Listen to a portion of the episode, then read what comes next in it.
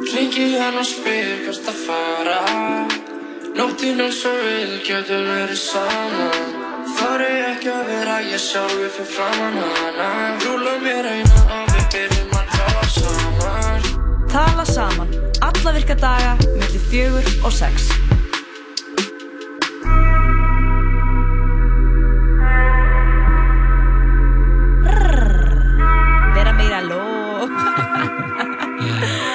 Þú sikarja.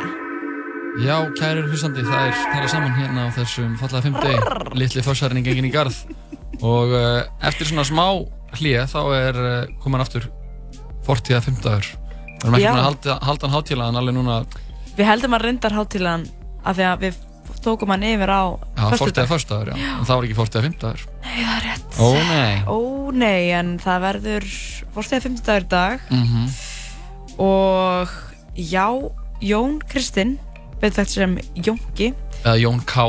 í sögum kreðsum. í sumum fræðibókum Já. er hann kallar Jón K. Sérfræðingur, uh, svona sagfræði sérfræðingur þáttarins, hann kemur hann eftir og segir okkur frá einhverju skemmtilegu máli. Já, þetta er einhver trúleysingja prestur, um, já, ég get í rauninni ekkert meira sagt, ég má ekki að þessu stundu. Trúlega syngja prest, sko. Já, hefur kynst þannig, hérna, gaur, Já. Ég hef kynst þannig og gælu, trúlega syngja Já, prest ok. og prestakona Interesting. og þau ætlaði með að koma hérna í viðtala eftir. en uh, svo er það sjálfsögðu með uh, gælurhörska glæpi á sínum stað, Ingeborg Eða, henni hjá eftir öskamar stund og ætlar að segja okkur frá einhverju, einhverju rosalu srakamáli, Já, okkur er vel ógíslu. einhverju, vi- einhverju Ah. viðbjóði. eitthvað, við, eitthvað viðbjöður, hún er alltaf búin að fjalla um ímislegt, hún er búin að tala um, þú veist, við erum að tala um einhver sem er að eitra í kókflöskum Mhm, með einhverju mjög sjálfgjáðu eitri. Við erum að tala um. Heaven's Gate sem var eitthvað svona weird dót, ég mæli með þeim þætti. Ég er búin að hlusta hann. Mhm. um, já, þú veist allur skalinn, þannig ég er mjög spennt að sjá hvað hún kemur til okkar í dag. Ég líka sko. En- og uh, síðan veru, erum við náttúrulega með þema ár í tónlistinni að því að við Já, erum náttúrulega aftur að erum bringing that back sko. Það er, er komið aftur 45 dagar og það er að sjálfsögðu þema ár í tónlistinni og það er herrans árið 1995 já, þú segir alltaf að þetta sé herrans árið. Já, þetta ár, og öll er ár, bara- herrans ár. Já, það er mitt það sem bara ég ætla að segja sko, að, að við setjum virðingu á öll ár. Já, og það kom út svo mikið af góðri tónlist á þessu ári. Vá, Þetta er... vá, Pirna Marja Sko, Bena. vá, Bena. Hérna.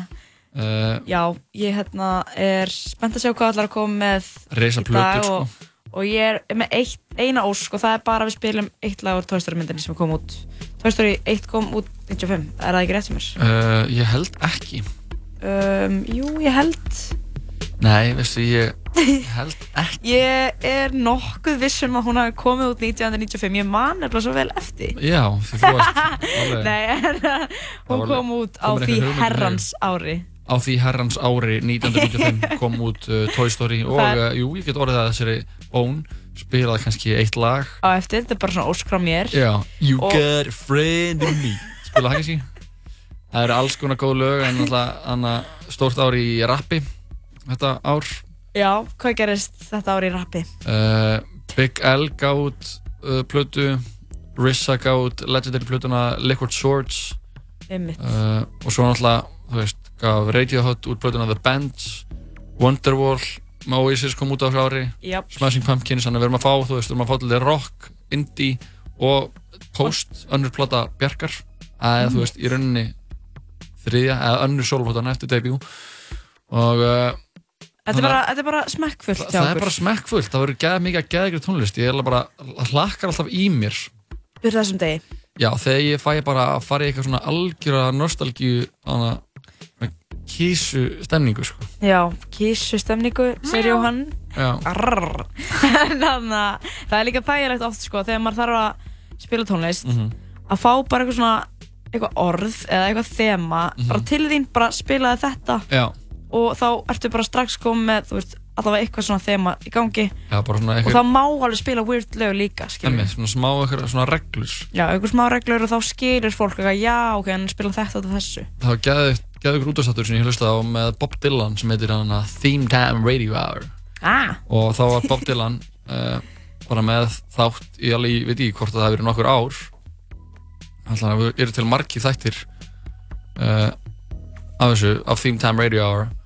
Og uh, þar er alltaf bara með þema. Bara Theme of today's episode is rain. Og það er bara rigning. Og það er bara að spila lög sem tengjast rigningu sem Já. er að fjalla um rigningu og einhverja rigning kemur einhvern veginn fyrir. Síðan er bara death, a life, a coffee, cigarettes. Allt bara svona, bara þema. Og hefur hann eitthvað að tala með þessari rödd? Bara So today we have the year 1995 Við þurftum að fá eitt svona þátt á stöðuna á okkur. Já, ég Hver myndi vera þáttstjórnandi?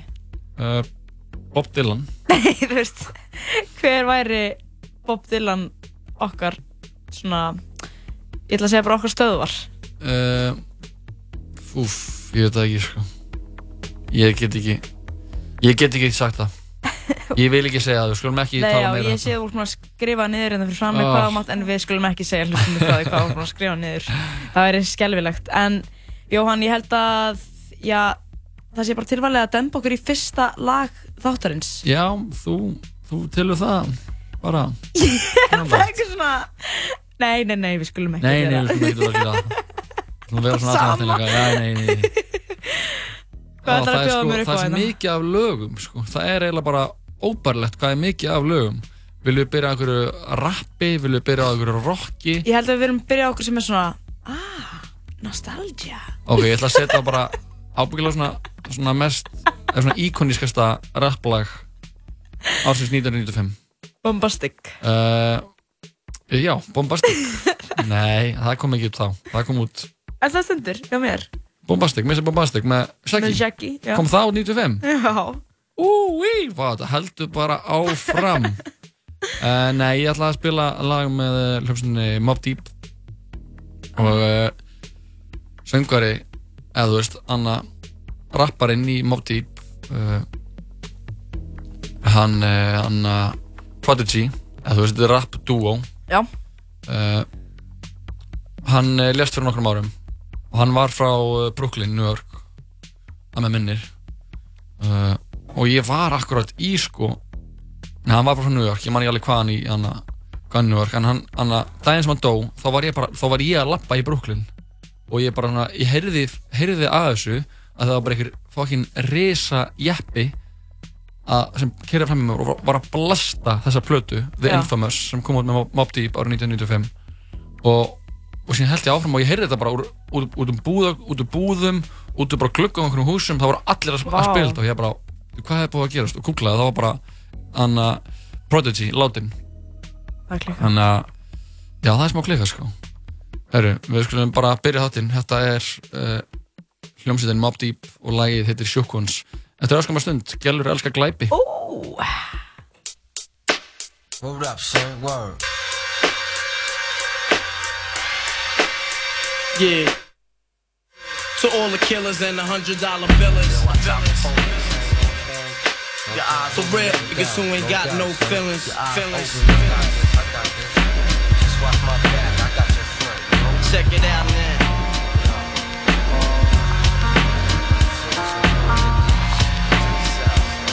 I got you stuck off the realness. We be the infamous, you heard of us.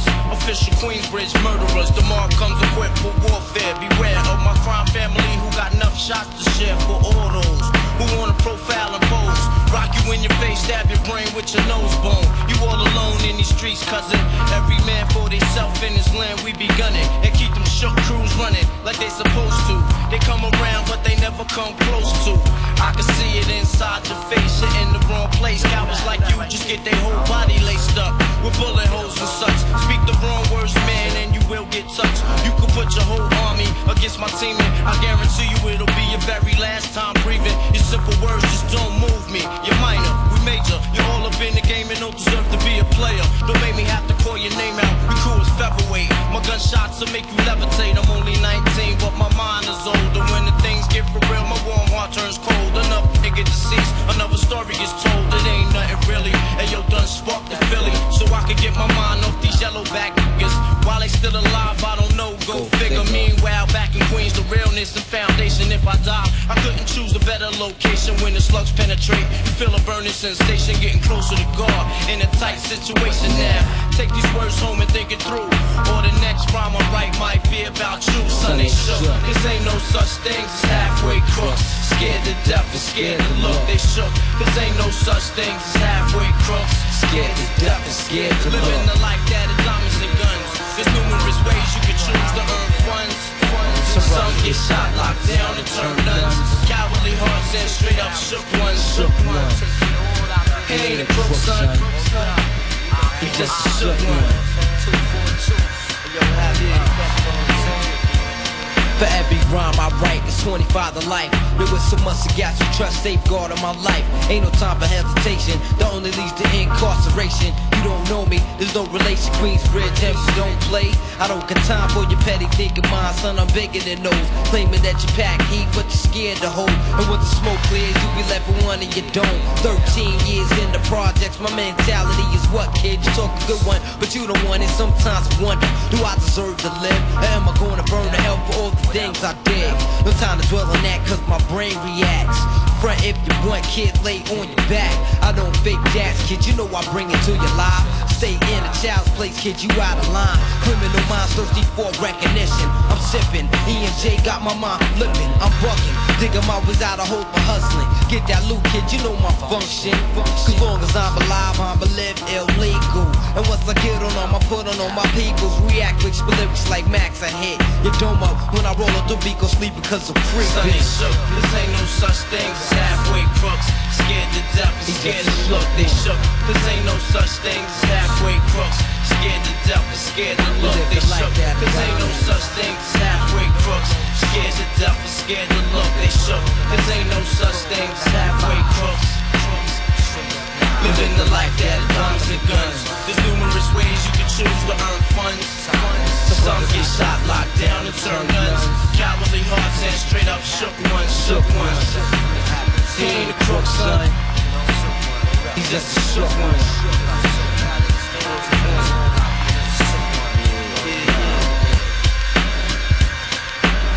To all the villains and the hundred dollar billings.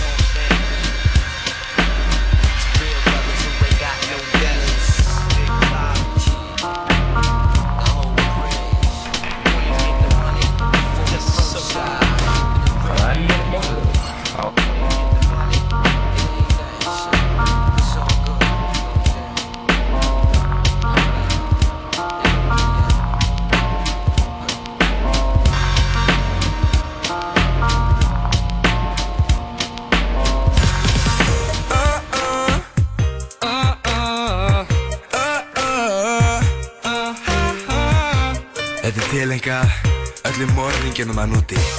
Passi ykkur, við erum að koma á eftir ykkur Ef að þú ert morðingi þá skaltu hafa varan á. Því að nú er hann sóknarlegur reglan komin á stjá. Þú ert að gera eitthvað að þið sem að ekki má. Það komum við og skellum þér bak við lás og slá. Við skoðum grunsamlegt gust, kynum saman alls konar rust Setjum það í lítinn boka sem að rennir til að loka. Við eigum alls konar dót, Vasaljós, jafn, sólgliru, jafn það vita allir að við erum. Rannsóknar lauruglan, við finnum morðingjan Og við hansumum hann. Gjallar þessu glæpi. In the building, Ingeborg Eða, ertu velkomin?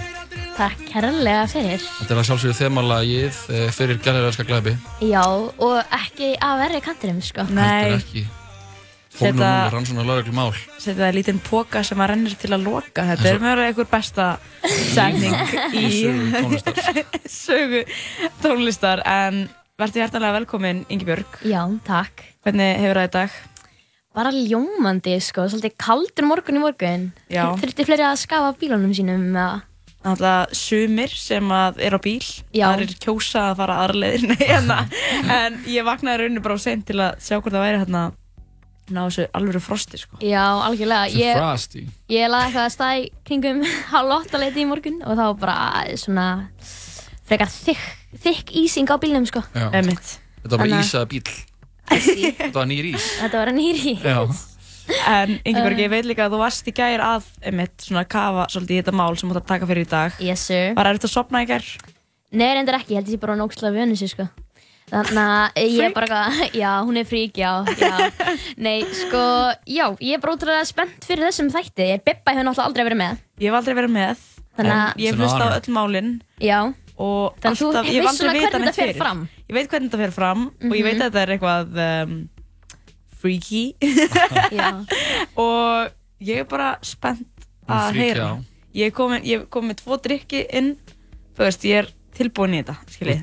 Það er nú viðbjóðin og, hlustundur um, búið undir, búið undir um, Já, sögustund. Þannig að það er kannski svona bara fínt að minnast á það, þú veist, að ef að fólk er viðkvæmt, þá er kannski gott að vera ekkert að borða á meðan eða eitthvað svona, því að það var eitthvað sem að saði við mig eftir mannæti þáttinn, Já. bara hefur geta sagt svona áður en þú tókst það mál fyrir bara svona þeir sem að eru viðkvæmir tune Leggja off. frá ykkur s- samlokuna. eða Já. bara að þú veist, svo líka bara fint svolítið svona að dansa línni bara og þú veist, Algjörlega, en fólk getur verið kannski að skipta og heyra smá og skipta alltaf aftur yfir á stöðuna skiljið. svona dansa á tíðninni dansa á tíðninni en allavega, þetta er svona mín viðvörun að þetta er svona, já, gróft mál þannig að ef við ekki bara dempa okkur í þetta okkur er ekkert að vannbúna að þið Jú, við sem að gera það. Ok, heyrðu, uh, mál dagsins, ég fekk innblástur fyrir því út af því að við höfum svolítið mikið verið að fjalla um karlmenn. Mhm. En gellur, elskar glæpi, þannig að við ætlum að fjalla um gellu í dag. I like. Eða ekki? Já. Alrighty, heyrðu, defum okkur í þetta. Krista Gale Pike heitir kona dagsins. Uh, fætt, ári, fætt 10. mars árið 1976 og bjó í Knoxville í Texas. Hún átti mjög erfiða æsku og hún bjó hjá ömmu sinni sem var alkoholisti og beitt hana, regl beitt hana reglulega grófu líkamlega ofbeldi. En þegar Krista var táningur, dó ammennar og þá svona einhvern veginn, þetta var svona eini stöðuleikin í lífi hennar, var ammennar. Þannig að þegar hún dó að þá reyndi hún að fyrirfara sér. Sem hefnaðist sem betur fer ekki. Og hún flutti heim til móður sinnar sem að nefnt lítið að sinna henni og svona einu tilraunir, tilraunir móður hennar til að tengjast henni einhvern svona böndum var þegar að það rykti gras saman og hún svona reyndi bara að myndi einhver svona vinatengjast frekar en eitthvað svona mamma-dóttir, fattu þið hvað ég meina? Já, Já, já. Já, Bara smóka saman. já, einmitt og að sögn móður Kristu var Krista einnig að rækta gras í blómapottum inni á sér alveg frá nýjára aldri. Nýja ára aldrei. Hún? Já, Litla? litla. Damn. Þannig að þetta er svona, Það er er ekki allt með feldu sko. Og hún hætti í skóla þegar hún var í nýjöndabekk og þá var maður svona 14-15 ára. Og hún var eitthvað svona að reyna að koma sér á vinnumarkað en hann var með litla mentun og fekk bara lálunastörf. Mhm. Uh, hún var á þessum tíma greind með jaðar persónuleikaröskun og það, það er svona svolítið mismunandi hvað þú veist, hvað ég las á netinu, ég er ekki með þetta þannig ég hef enga reynsla af þessu.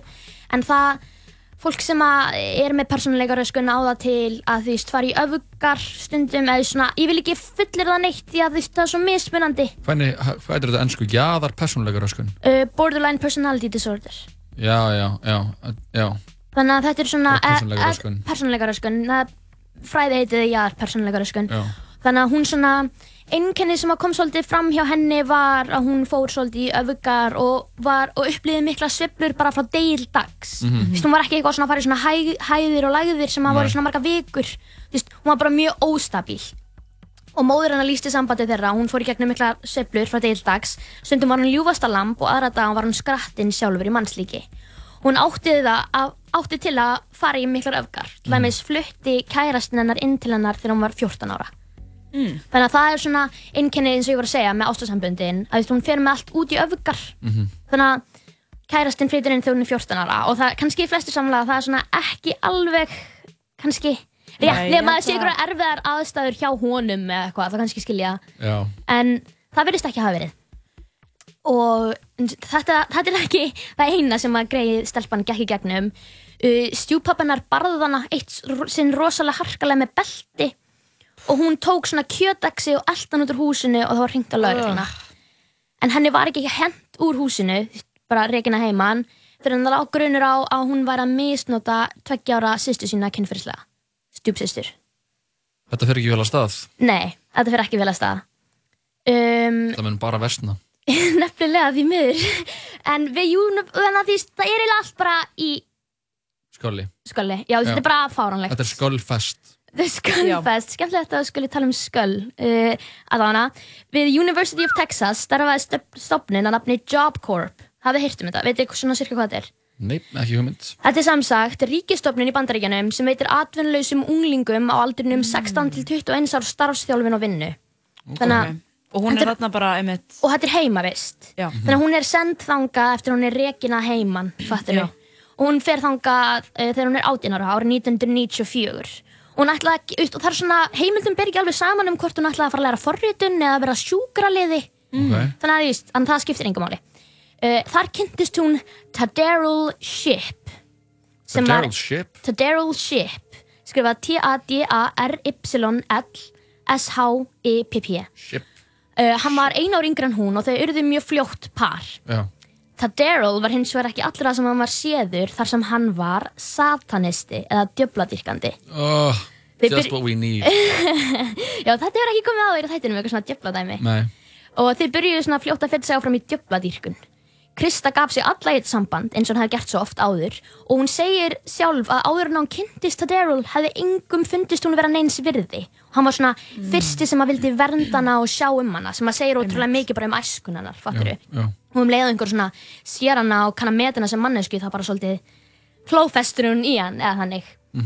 Og hún kynnist um þetta leiti einni stelpu sem heitir Shadala Peterson Shadala, ég veit ekki alveg hvernig að Shadala. Shadala, en hún var allan mjög feimin og hlédræk og var veist, ótrúlega fegin því að komast inn í einhvern svona ákveðin vinahóp sem Já. var hún og þau tvö, Tadarrell og Krista. Þau voru kærstupar og svo var Shadala á stundi með þeim. En það leik ekki allt í lendi hjá Kristu okkar hún var samfærð um að, nafn, að stelpa að nafni Colleen Slemmer sem var þá 19 ára var að reyna að stela innan gæsaleppa Tadarrell af henni. Og vinir Kristu voru ekki alveg á sama máli og Colleen sjálf sá hún vildi ekkert gera með Tadarrell en Krista stóð alveg á sínu. Hún var alveg bara búin að því veist, hún fer alltaf í þessar öfgar út af þessari persónuleika röskun og hún einhvern veginn var búin að búa til þessa ímynd í höfðinu sínu að þessi gælla væri bad news skilju Var og hún væri að, já, og hún var að reyna að stela honum af henni og eitthvað svona því veist.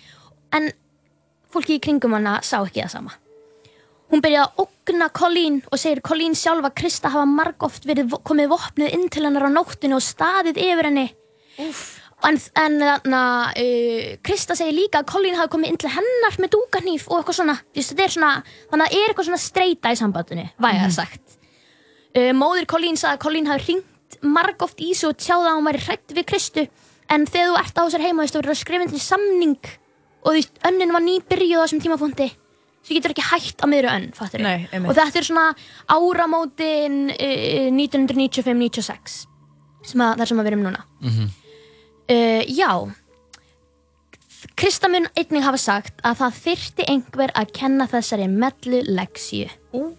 Og bói Orðbragð. Já, þetta er, þetta er, þetta er beinþýtt, veist, frá, það var eitthvað svona... Þetta er ekki þín orð. Tandurhrein íslenska hérna Já, og þann 11. janúar 1995 sagði hún við hem- herbergisfélaginn sinn Kim Ilo Ilo nafnið hennar bara að skrifa Ilo Ilo og þetta er svolítið svona Billie Eilish læðina Ilo Milo Já og slæðindi allan Skýrðu höfum það því. Já, skýrið það því og hann langaði að myrða samnumandin sinn gera eitthvað slemt í dag eða eins og hann orðaði það I just feel mean today.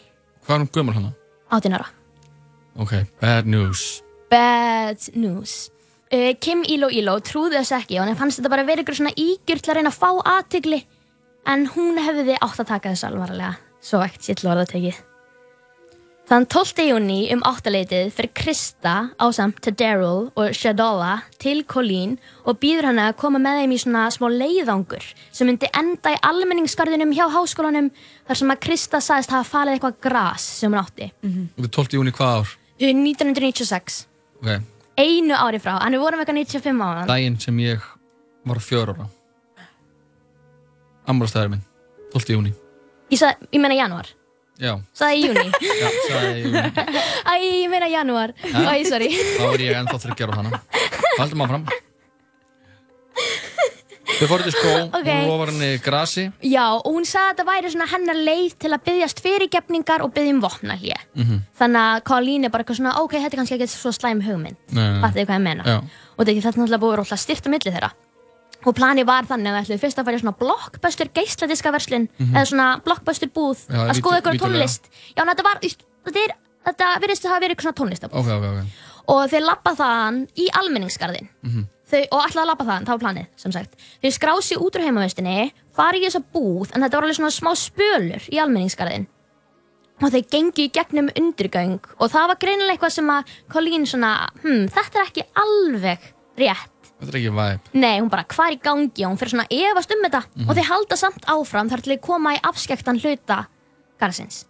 Þannig að þú veist, það sem ég hugsaði líka bara, þú veist, fólk er eitthvað svona, "Ah, af hverju snýr hún ekki bara við, fattur þú? En þú veist, ef þú ert að fyrir að reykja gras sem er mjög ólöglegt á þessum tímapunkt í bandaríkjunum á þessum stað í Texas, uh, nei, Tennessee fyrir geði, að þá, þú veist, ert ekkert að fara að vera eitthvað svona á almenningsfæri, skiljur, það, ef, þú- ef þú ert búin að fela starf, þá er það vendilega á einhverjum afskektum stað. Já, já, vill fara og vera low key. Já, nákvæmlega, þannig að hún er eitthvað svona, oh, ok, það meika kannski alveg sens að þetta sé okkur um afskektum stað. Það vera eitthvað low key session. Þegar þau komið þangað, þá tekur Krista um höfuð og Colleen, dundraði hnið á sér, hrindir Colleen í jörðina og byrjar að sparka í hana og lemja höfðun hennar í stjættina. Oh. Colleen spyr í angist sinni hvað þau sé að gera við sig og af hverju og hún ver sig á hörku. En í hvert skipti sem Colleen reynir að komast í burtu eða byggja fyrir lífi sínu verður Krista bara reyðari. Þetta eru þrýr á móti einum. Úi, Er þetta, þetta er hún, okkar, konaðana, Krista, Pike, já, Mhm. kærastinn hennar já, þetta er Daryl, Ship. og ekki er Míó Míó hana. Nei, nei, nei, nei, það er hann að sem ég var að tala um hana Shad- Shadowa. Já, Södóla, já. Kim er bara herbyggisfélaginn hennar sem að Einmitt. var ekki með í þessu geng. Nei, nei, nei. Um, já, þau þvingu hann alltaf að ofan svo hann myndi ekki þóra að flýja. Hún var bara í, veist, buksum og skóm. Það reyna svona að gera hana veikburðari og berskjaldari. Mhm. Og Krista fer þá í jakkafessan og dregur fram dúkanýf. Oh, Við að taka lag eða viljið já, þið? ég held að fyrir um smá kælingu. Ég held að það Það maður eins að kæla okkur, sko. Það Þetta var er bara al- orðið- dúkahníf, Orðið alveg, hann að... Þannig þau eru komin í garðinn, það er komin dúkarnýfur Já. og hún getur raunin ekki farið neitt. Nei. Nei, þetta er creepy, sko. Þetta er creepy, fáðu mér eitt gott af plötunni The Bands sem er svona mörgum talin einn besta rockplata uh, 20. allar en þetta er Radiohead, lagi heitir Just höldum áfram með Gjallur Hörska Glæpi Ingeborg með okkar daglega skemmta viðbjóði henni þetta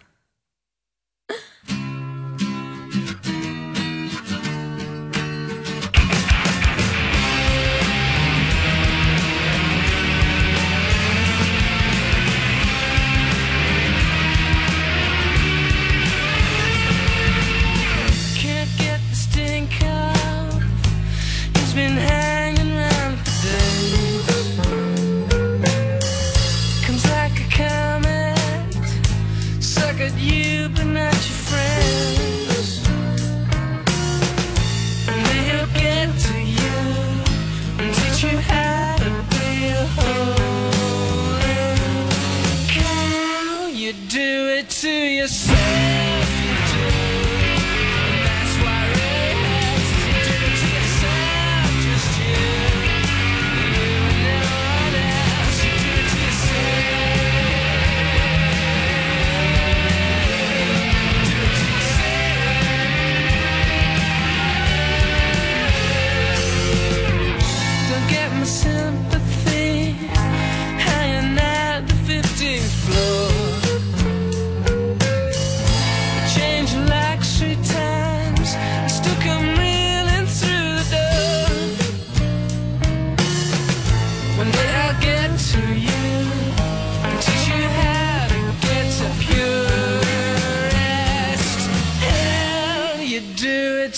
it to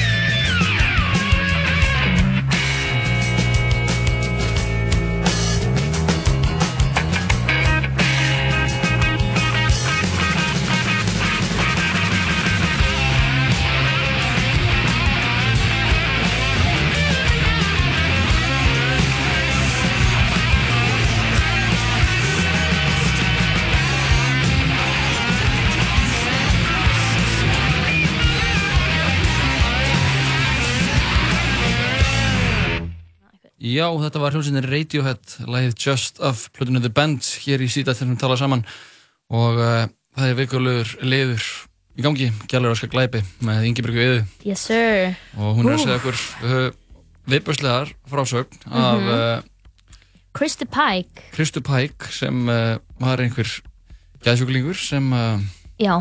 Elskaði að drepa eða hvað? Mm, það kemur í ljós. Við erum einmitt komin að svolítið skemmtilegan stað hér. Já, Um, þau þvinguðu Colleen sem sagt til að koma með þeim út í skó.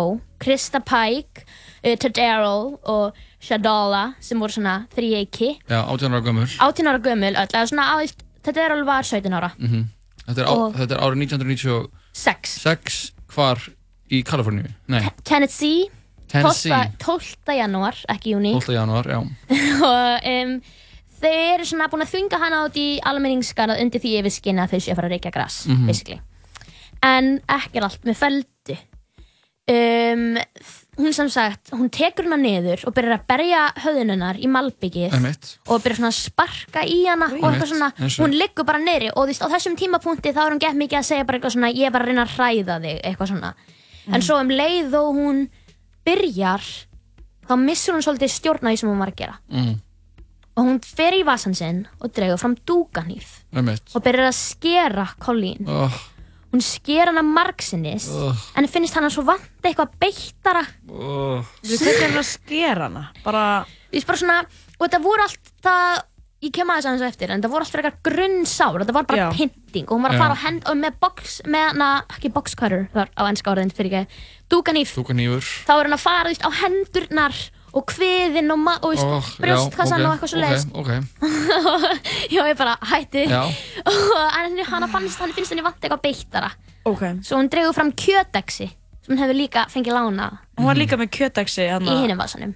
En hann í byrjun sögunar eitthvað, þegar hún er alltaf eitthvað út eða eitthvað. Mm Pabba Nákvæmlega, þetta er svona hennar þema, Og hún dregur það fram og byrjar að skera hann á bakinu og. Og er bara að fara með duganýf og kjötexi Mhm. á hana yfir 300 sinnum. oh my god, það er fokkin Það er ógeðslegt, sko.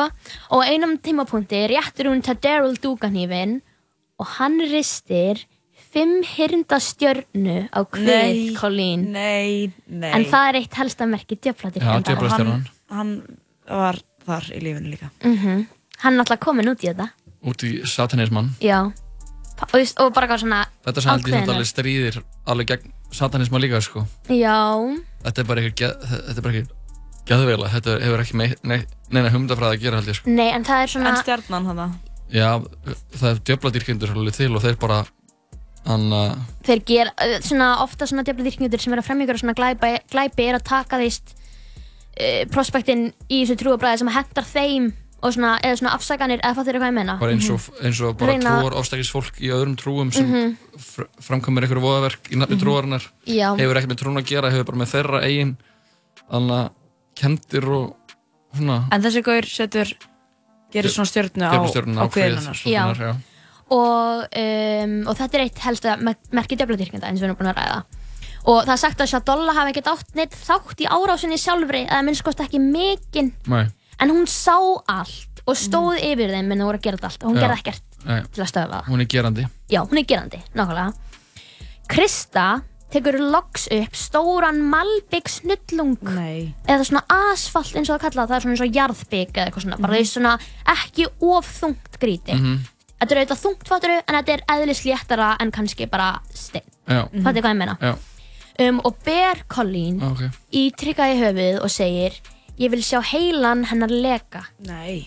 Í síðasta högginu brotnar höfukúpa Colleen og gráa efnið seitlast niður úr höfðinu, rétt eins og. Krista hefði óskað sér. Já, þetta er viðbjóður Býðið aðeins, þetta verður verra. Já, hvernig getur þetta verið verða það? Ég ætla að segja ykkur það. Krista tekur þá bút úr höfukúpunni og setur hann í vasan sinn. Þau þrjú draga síðan líkið hennar inn í skógin í einhverju meðsamnari tilraun til að reyna að hilja yfir glæpin. Um 11 leitið skráðu þau sig svo aftur inn á heimavistina og þá tekur Kim, Íló Íló, herbyggisfélagi Kristu eftir því að það var ekki alveg allt með feldu. Þau fóru fjögur út en komu bara þrjú tilbaka. Mhm. Þannig að hún er eitthvað svona, hmm, something fishy, eða þú veist, hún svona var líka líka í ljósi þess að Krista var búin að vera að segja við hana bara eitthvað svona, ég ætla að gera eitthvað slæmt í kvöld, ég ætla að myrða samnumynda minn og hún vissi að hún þoldi ekki Colleen því að hún var búin að ákveða að Colleen var að reyna við kærasta sinn. Það frekar bara, þú hún vissi kannski smá bara hvað hefði gerst. Já, en þú veist, um, það trúir enginn því að, þú ég myndi ekkert fara að trúa Bibbi på það að vera að drepa eitthvað þá hún segja það eitthvað í svona jóki bara á skrifstofu bara, ah, andjóks, ég var svo fucking permanenti, eitthvað, gæti kyrtan. Bibba var alveg reynd að drefa mig, ég bara þurfti að verja mig. Já, bara, hún hafði ekki dæmi, heyrðu, þegar Krista kemur upp á herbyrgi, segir hún Kim að hún hafi drepið Colleen og sýnir henni höfðkúpubrótið. Krista segir, að, segir Kim að hún hafi skorið hana háls sex sinnum, lamið hana og grýtt hana með malbyggsnullungi og þetta er svona frásögnin hennar af morðinu. Malbyggsnullungurinn hafi síðan brotnað en það hafði hún kastað brotunum í höfuðið á henni. Hún segir að Colleen hafi grát beðið hann um að hætta en hún hafi haldið áfram því hún nefndi ekki að hlusta á hann að væla. Á meðan að Krista saði frá þessu, dansaði hún svona í ringi og var bara svona gett spennt og ánægð og söng svona inn á milli. Það var manísk, Já, störtluð. og uh, það sem ég sendi ykkur á Slack, Já, þú sendur okkur okkar ítarefni. já, þar er mynd af Colleen Mhm. sem er þessi ljósherða. Já. Svo sjáu þið Tadaryl, Shadala og uh, Kristu. Já, og þessar myndir munu allar farin á vefinn og ef þið ítið svo á hlekkin þá um, getið þið séð glæpa vettvangin og séð ástand Nei. líksins Ói, Eins og þetta það er fannst. fullkomlega viðbjóðslegt Ingibjörg. Hvar grefur þetta ógeð upp? Hverju líka er þessar myndir inna? það er nefnilega ekki það erfitt að finna svona myndir eða þú veist, það, er, það eru svona uh, Murderpedia heitir það Þetta, ég vil ekki... Murderpedia. Já. Yfir Facebook að gera svona recommended fyrir mig, eitthvað, Einmitt, skoða yfir- svona. Já, maður er alltaf hættið við algoritman sko. Þetta er bara, ég veit ekki, þið, þið vilja ekki vita hvað kemur upp í algoritmanum mínum eftir ég er búin að vera að leita að einhverju efni fyrir einhverja þætti Og hvað gerist svo? Eru, þau eru handtekinn. uh, Dæn eftir, í morgumatnum Mhm. spyr Kim Kristi hvað hann hafði eiginlega gert við höfukúpubróti Mhm. Hún sagðist enn vera með það í vasunum og sagði orðurétt Yeah, I'm eating breakfast with it. Það fóru svo í tíma þar sem hún sagði öð, öðrum samnumanda svona svipaða hluti og meðal annars að blettirnir á skonnum hennar voru sko alls ekki neinn drulla. Ok, Þennan bíddu, ó- sama morgun Já, ok. Já, nei, hvað segir Bara af hverju er enginn að bara uh, hendinni í fangilsi, skilur, já. Já, að þetta er samt, það er þeir sem að eru þarna í þessu job corp, fattur þetta er fólk sem að hefur ekki klárað háskóla high school, skilur þetta er kannski fólk sem er í láninu störfum og glýmir oft við ykkur svona örðuleika fattur Já, ok. kannski fólk sem að hefur komist í kastulegin en svo náttúrulega sumir bara sem hafa þurft að hætta út af einhverjum námsörðuleikum eða eitthvað svona þetta er, það er kannski og kannski er það líka bara hrættar fattur Já, mhm. bara eitthvað þessu herbyggisfélagið þú vilt ekki fá hann upp á mótir og þetta sofi við hliðina á einmitt.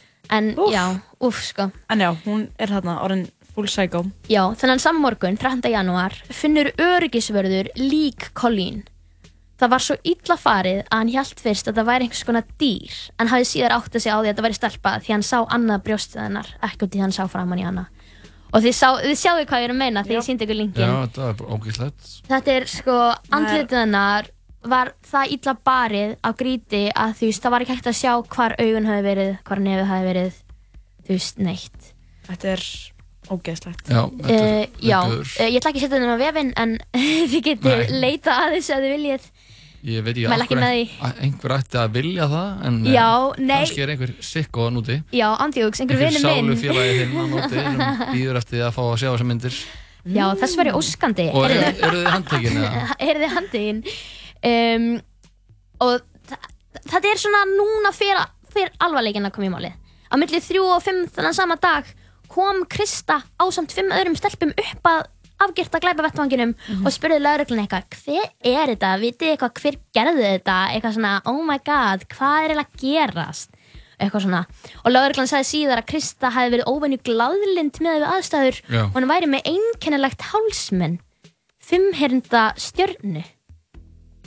Um hálsin Já, Þú veist, Satans djöfladyrkandi. stjörnu. Já Þegar, að Colleen er svo flött á líkhúsið og blóðið er skólað af henni sést fimmhyrta stjarnan sem að Tadaryl hafði skorað á hana með Einmitt. dúkanhýfnum Lauruglan fer þá strax að spyrjast fyrir í, í hana, uh, Job Corp centrinu um hvort einhver hafi stund á djöfladýrkun og þá beindi strax öll spjót að Kristu Tederol og auðvitað Shadolli í kjölfarið.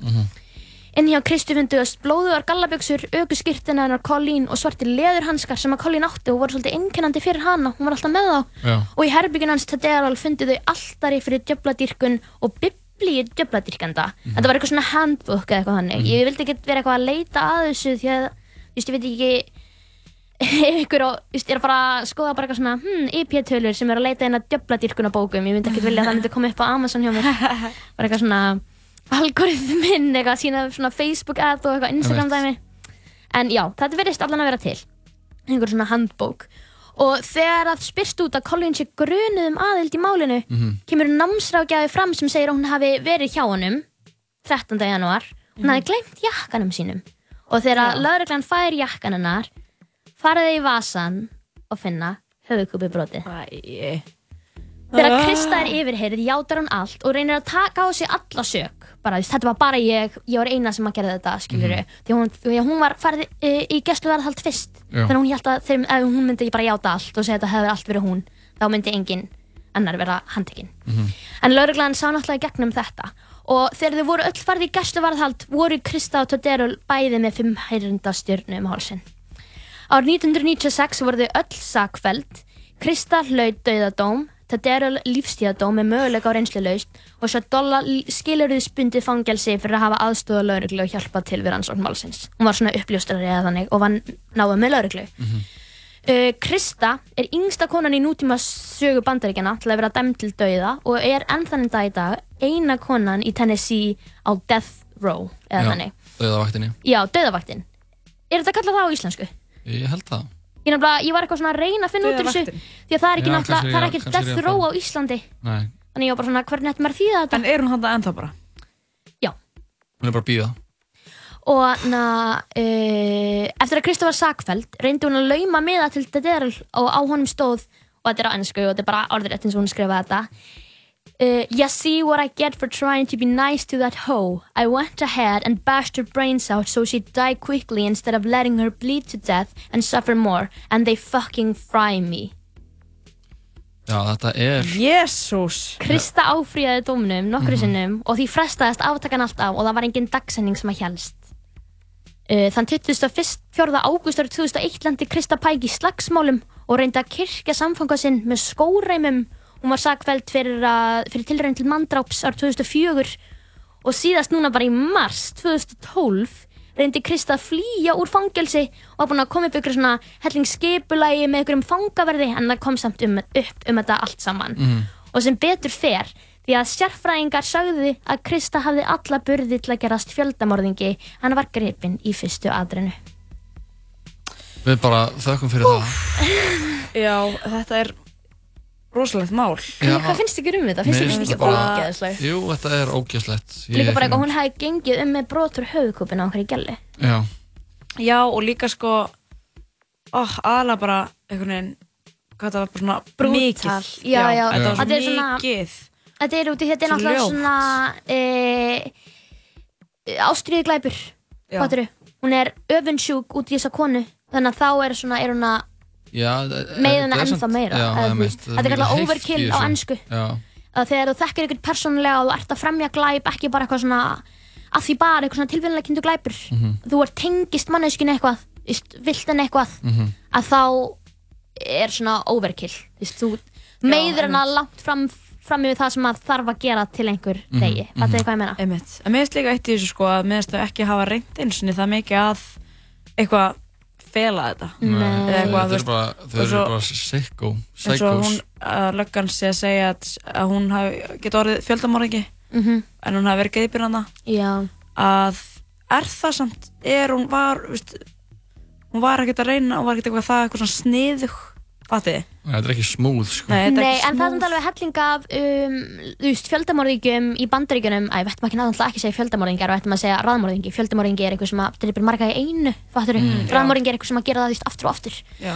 um, en það er um helling af raðmörðingum út í bandaríkjunum sem að skildi eftir sig bara heftilega mikið af sönnunagögnum en hafa bara aldrei náðst í að rétti þú veist, þið eru með erðaefni, þið eru með skóför eða eitthvað svo leiðis en þið bara getur ekki búið það saman við neitt. Einmitt. En hún situr inni. Hún situr inni enn þann dag í dag og það er ekki neinn dagsetning á neina aftöku. Þannig að Hún er ekki ennþá, hún er geta, um, já, hún er ekki flúin enn. Hún er ekki flúin enn sem betur fer. Hún er ekkert að fara að koma til Íslands á næstunni eins og góða vinnur okkar í Isai Sagawa. Nei, mannættan sem við fjallaði um daginn. Já, Við að- þurfum að fá eitt annað smá svona, við þurfum að fá smá annað reynstæðins annað bræðleikuna af þessum viðbjóði sem var alltaf að færa okkur hvað ætlar að- að koma með? Ég ætlaði bara að spila óskalega hennar Byrnu hérna úr uh, árunni ní- 1995 sem er þeim árað okkar í tónlistaval í dag. Og svo 45. við þökkum því Ingeberg kærlega fyrir þetta. Bara mín var ánæg kemur alltaf hérna og uh, já, ég get, ekki- get ekki klárað eplið mitt núna. Gjallur elskar glæpi, Gjallur elskar viðbjóð líka, virðist bara að vera ákveðið þema. Síðusti þáttur var samt ekkert eitthvað það mikið til viðbjörn það var bara meira svona skrítið þannig Já, að já. veist, hver veit hvað ég kem með Maður næst. er bara eitthvað svona, what the fuck? Þetta er eiginlega mest þannig. Já, já, það er eiginlega bara, ætti eiginlega bara að heita Hún er frík, já. Ándjóks það væri, þess væri óskandi sko. Já. Ingeborg, takk fyrir. Bara, já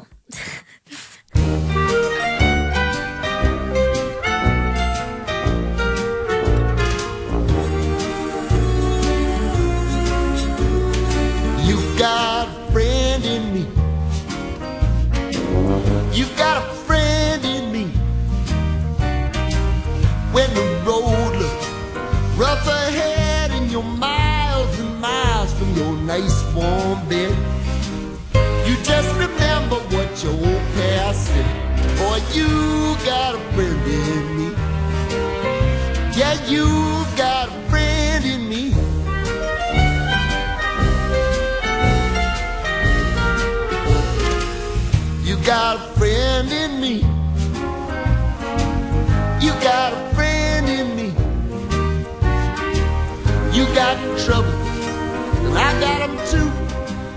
There isn't anything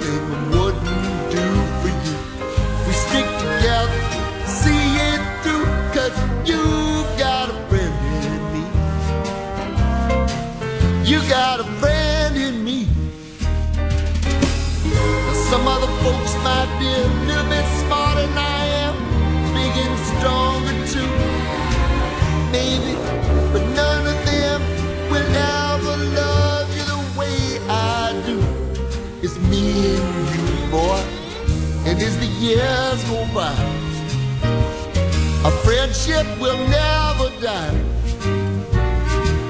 You're gonna see it's our destiny.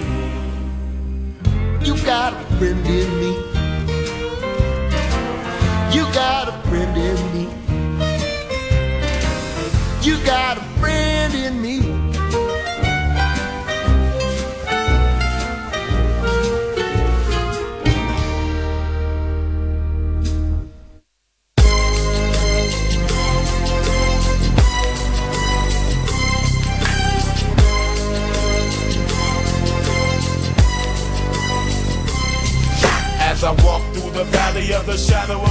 I take a look at my life and realize there's nothing left. Cause I've been blasting and laughing so long that even my mama thinks that my mind is gone. But I ain't never crossed a man that didn't deserve it. Me be treated like a punk, you know that's unheard of. You better watch how you're talking and where you're walking, or you and your homies might be lying in chalk. I really hate the trip, but I gotta low. As they croak, I see myself in the pistol smoke. Fool, I'm the kind of G the little homies wanna be like on my knees in the night, saying prayers in the street light.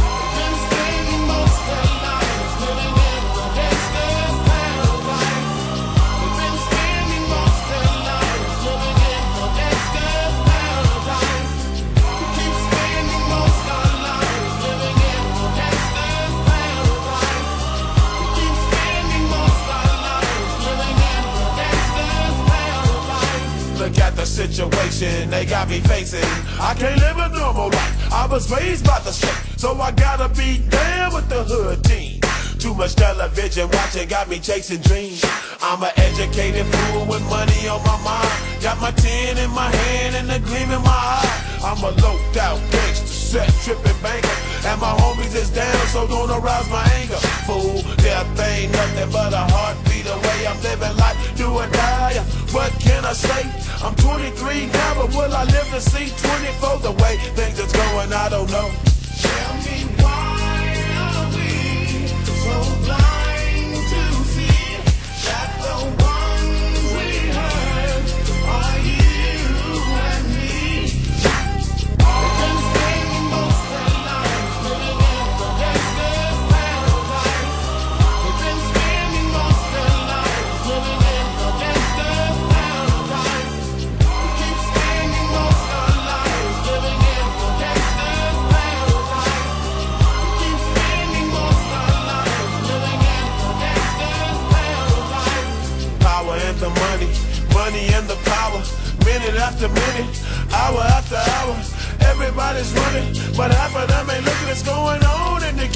But I don't know what's cooking. They say I got to learn, but nobody's here to teach me. If they can't understand it, how can they reach me? I guess they can't, I guess they won't, I guess they front. That's why I know my life is out of luck, fool.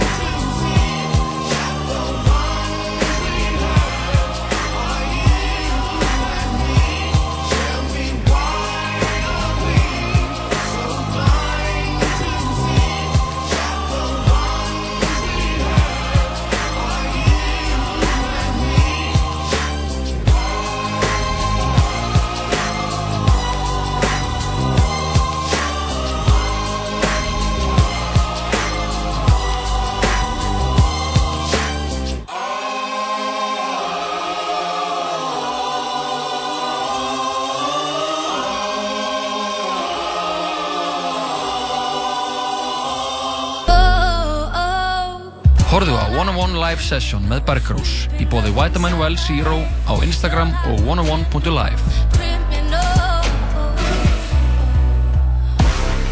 Þryggjastega körfur, pepperoni, grjótarður varnaleikur, piparostur, tæknivillur og jalapeno. Já, Dominos og körfubolti smell passa saman.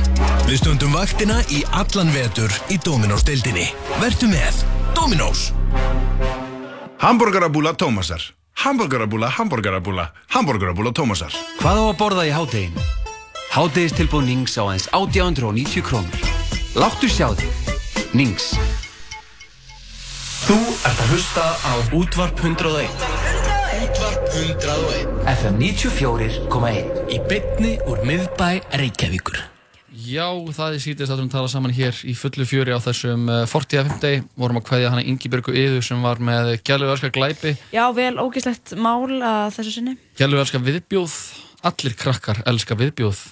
En við höldum áfram í þættinum og uh, erum komið annan góðan gest, uh, góðvinn þáttarins, sagfræði sérfræðingin sjálfan Jón Kristinn Einarsson. Vertu velkomin Jón. Takk fyrir það. Hvernig hefur það í dag? Ég er mjög góður. Þú ert í throwback stuði alla daga? Já, það má segja það, já, þannig að það er ekkert, ekkert skrítið. Þú ert bara í, í námi í throwback fræðum. Já, það- já, má kalla það, já, það er hérna ákveðin leið til þess að líta á hlutina. Herru, það er 45 dagar og þú Já. ert komin inga til að segja eitthvað frá einhverju sem gerðist í fortíðinni. Já. Uh, Einhverju spikfeitu vonandi. Aðeins að hugsa, sko, hvað við getum talað um og það er náttúrulega alltaf skemmtilegast þegar umræðefnið, sagan, tengist um, málefnum líðandi stundar. Emitt, Já. það er ljós sögunar skín á, á samtíman. Þegar hérna, og fyrst hugsaði ég, sko, samerjamálið. Mhm.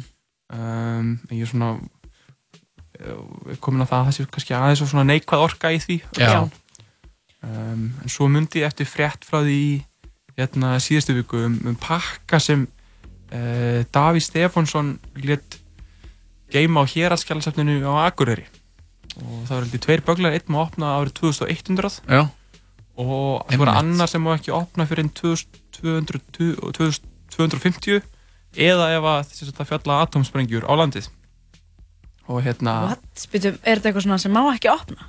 Já, Já, ég meina það time er capsule. oft þannig að það er, það er skjölum er skilað inn á skjálusöp þá fylgja ákveðin fyrirmæli um uh, svona leynd og eftir ákveðin tíma þá má opna þau en þetta er svona frekar óvinnilegar leiðbyrningar þetta sé svona langt fram í tíman og svo er þetta með atomsbergjurnar Hver er tilgangur með að leiða ekki að opna strax? Já, það við vitum ekki, það er eitthvað Er upplýsingar það bara eitthvað til að gera alltaf kannski erum bara að gera að í okkur eða kannski er þetta eitthvað ótrúlega merkilegt. Ok, ok, ok, ok. En sem sagt uh, umræðarni dagsins það svona sækir sér innblástur í þetta. Mhm.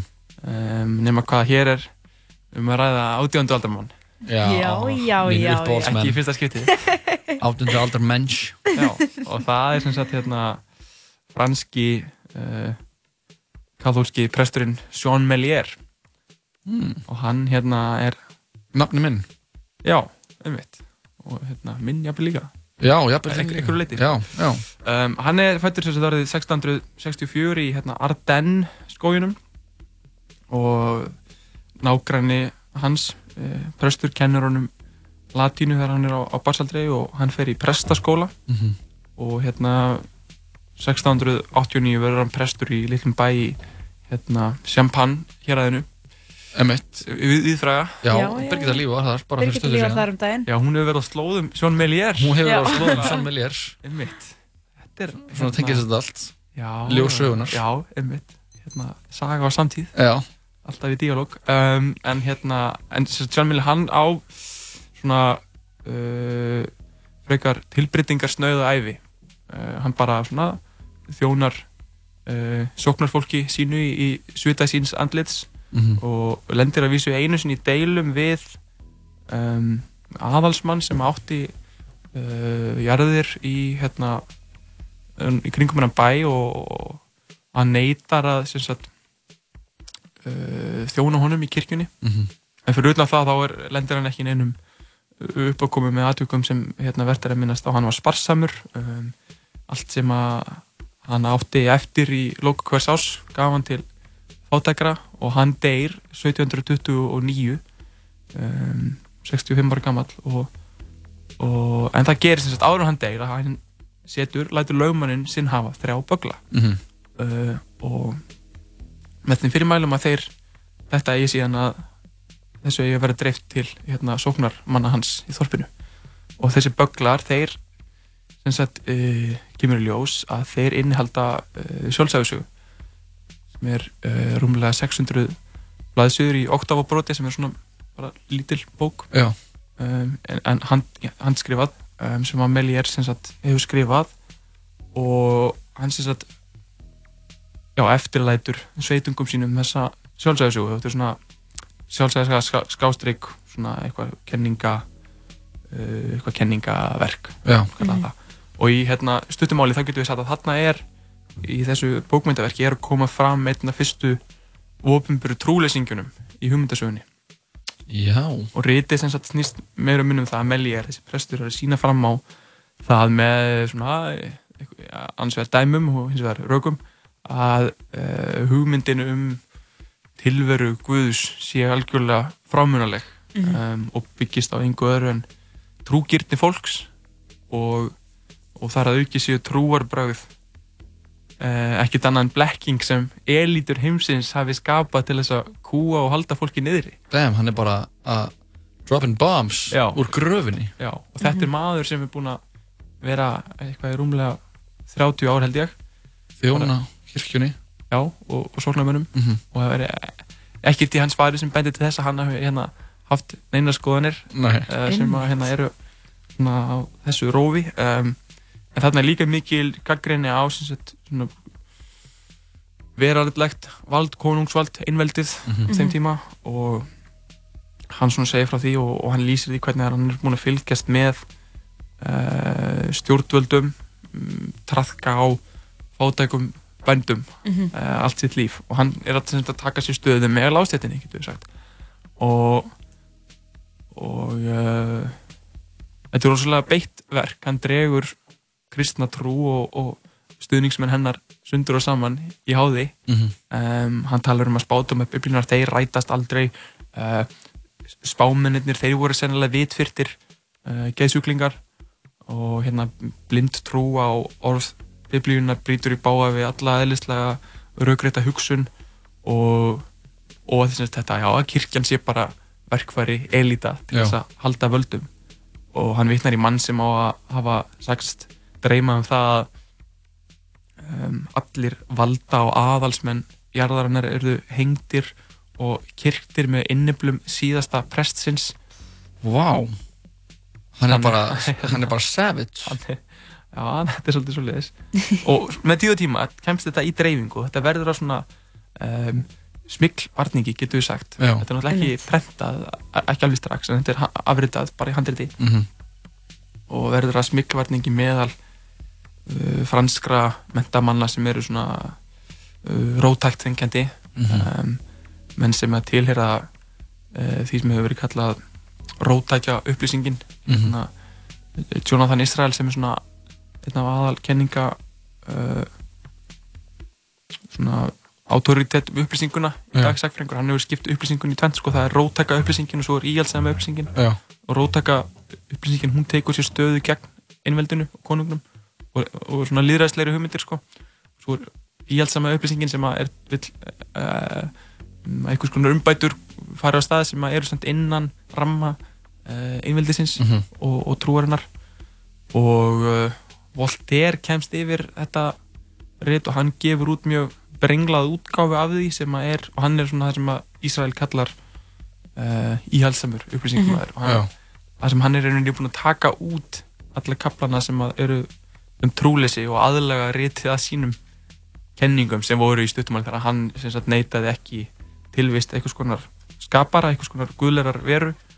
Um, en vildi meina að Guð hefði jafnframt haldið sér höndum um, um nokkur afskipti eftir að hann skapar Mhm. heiminn Mhm. það heitir, þetta heitir deismi eða guðstrú og oft er talað um svona, líkingin tekin um að Guð er uh, klukkusmiður, hann skapar gangverkið en síðan bara gengur það Mhm. uh, sjálft og svona á 2000 þá taka kommunistar upp skrif með lér og, og gera annað eitthvað svona proto uh, enda setur hann frá, fram ákveðna sín sagt, sína á hvernig samfélagið ætti að virka og hann vil meina að fólk best væri að fólk á hverju sveiði bara myndi mynda eitthvað konar kommunur um, þar sem auðaði við væri sameinleg og þeim svo dreift út á sangjarnan hátt Mhm. um, þannig að þetta, en það er kannski í dag sko, sem er, menn eru farnir að geta skoðað um, þessar hugmyndir út frá einhver svona ekki á pólitískan hátt getur við sagt. Bara svona út frá uh, hlutlæri hugmyndasögu. Og hvernig er þetta sett í, veist, hvernig er þetta skoðað ef þú segir burt frá einhverju svona pólitík og einhverju svona, einhverjum svona pólum, er það verið að þetta þá í samingi bara við hans svona hvað, hvernig hann orst upp og umhverju hans og Já, við erum rauninni veitum og lítið um það um, en hann sko það kannski ef aðalega bara að setja þetta í sammingi við upplýsingunum sem slíka sko Einmitt. og, og það er náttúrulega eitt áhugavert í þessu er það að hann virðist ekki hafa neitt sérstakann aðgang að um, uh, rítum, skrifum manna sem voru uppi á sama tíma og hann, hann þessar hugmyndir hans eru aðalega byggðar á uh, hlutin sem voru skrifar fyrir 1700 Mhm. Mhm. þannig að, hann er, að, að því leitinu til er þetta gífurlega hérna, frumlegt Mhm, verk mhm, mhm. af því að hann uh, hann byggir þetta allir mikið til á deilum sem að orthodox kristnir menn voru búin að eiga innbyrðis sem sagt um hvernig væri hægt að sína fram á tilvist Guðus Já. og hann tekur það sem að hver og einn segir um álstað hins til þess að sína fram á Mhm. að Guð sé í rauninni ekki til Já, já, já. En, en hérna á saman tíma voru tilgangur þeirra hérna raugræðina að sína fram á að Guð væri til mm. -hmm. hætti um, það, er kannski, það, það er kannski það sem að ég er að- á við sko með Já, að já, já. skoða þetta út frá svona hlutlegum uh, hætti hún var gefin út á ennsku loksins fyrir nokkrum árum sjálfsæðisann Já. menn skrifa bara Sjón Milliard testament Hefur lesið það? Nei, ekki allt sko Nei. en, en það er sem sagt til sko að, það var lengi vel, af því að eins og ég var að segja, þá var þetta gefið út í svolítið brenglari mynd, sko, lengi vel var í dreifingvalun fram á 2000-öld, sko, og ennþá er, var uh, útgáfa af uh, ríturinn sem var gefin út undir loka átjöndaldar uh, markaðsett hann, en hún væri eftir hann. En það er ekki rétt, sko. Nei, nei, nei. Þannig að það er búið að breyta aftur tilbaka í í, í hérna, upprannilegu. Já, eða bara, ef þú googlar þetta þá færðu oft, oft upp röngu útgáfana, sko, þannig Já, að þarf já. að passa sig á þessu. Og er það útgáðan þar sem maður er búið að taka út trúlýsingja partinn? Um, það er aðeins önnur útgáfa Mhm. en hérna, ég kann ekki alveg nóg vel nákvæmlega munin á henni og, og þessari sem er núna sko, en það er Mhm. alltaf ekki rétta hérna, útgáfan sko. en þetta er svolítið hérna, feit pæling, finnst mér, að hérna, skrifa eitthvað og Skila þessu bara eftir og Einmitt. bara mic drop einhvern veginn. Já, líka sko, einmitt bara að þetta er svona þema, að skrifa svona, leifa fólk ekki að opna þetta fyrir að þú ert jafnvel bara döður að þá kannski er enginn sem getur sagt neitt við hann, það er enginn sem getur breytt skoðunum hans af því hann er eitthvað sem er bara farinn skiljiði, Einmitt. hann er maður smá svona eitthvað minnst það svolítið töff sko. Já. en samtíma líka smá svona pyrrandi, auðvitað væri kannski eitthvað aðra skoðanir skilur þau eru rosalega bitur maður.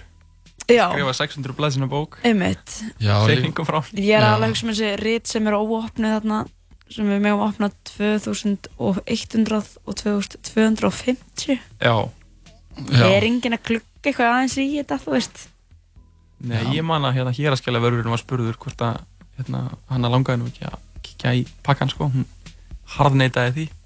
Já, má það ekki. Nei, nei. Já, John Millier maður. Ákveðin kongur. Já, og þetta vekur upp spurningunum, sko, eru einhverjir kannski aðrir á sama tíma sem hafa svipar hugmyndir og hann? Já. að því að yfirleitt í, þegar við erum að hérna, svona, skoða um, svona, tímumbilin sem miðaldir og, og árið nýjöld þá er svona, oft sá miskilningur sem er verið að leiður þetta er sá sko að hérna, nútíma fólki sérstaklega svona trúlýsingum í dag hætti til að skoða það er mjög auðvelt að fá þá mynd af samfélaginu að það sé bara verið að nota trúarbröð til þess að halda fólki Fólki niðri niðri, já. en þá er svona í almenna sögurskónu svo að þeir sem að voru við hérna uh, að stjórna samfélagunum sannarlega trúðu því sem þeir nú voru að segja Já, já. en, þá, en svo ertu með svona reitt sko, ertu með einhvern mann sem að með svona rosalega rótakar hugmyndur og það veist ekki verið beigðar á mörgu öðru en hans eigin samfæringu Mhm. þannig að Það getur vel verið að hafi fleiri verið í hans spórum já, já, mögulega, við veitum ekki. Yes. Sem, Jón, það var gott að fá þig áttur í þáttinn sko. Alltaf gaman að koma. Já, bara var Millier mjög, mjög áhugavert sko. nafni okkar.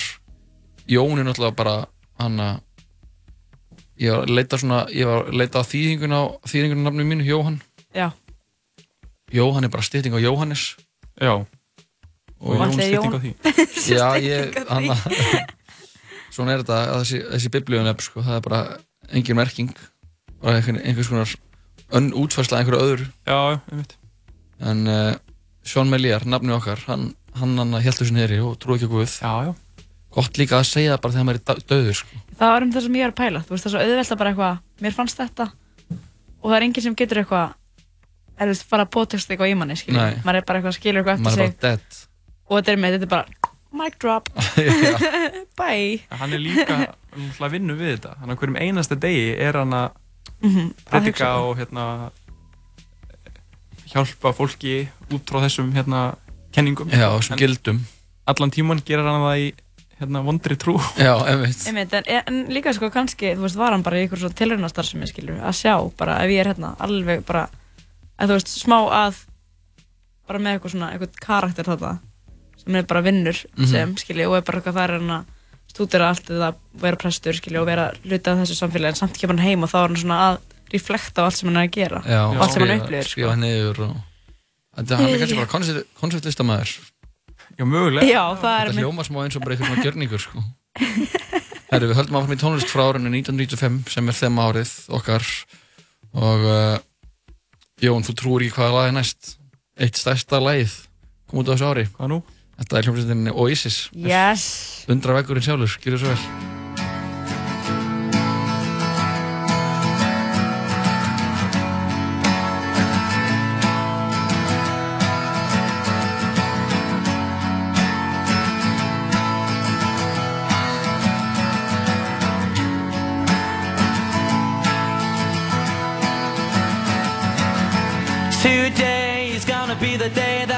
throw it back to you. By now, you should have somehow realized what you gotta do. I don't believe that anybody feels the way I do about you now.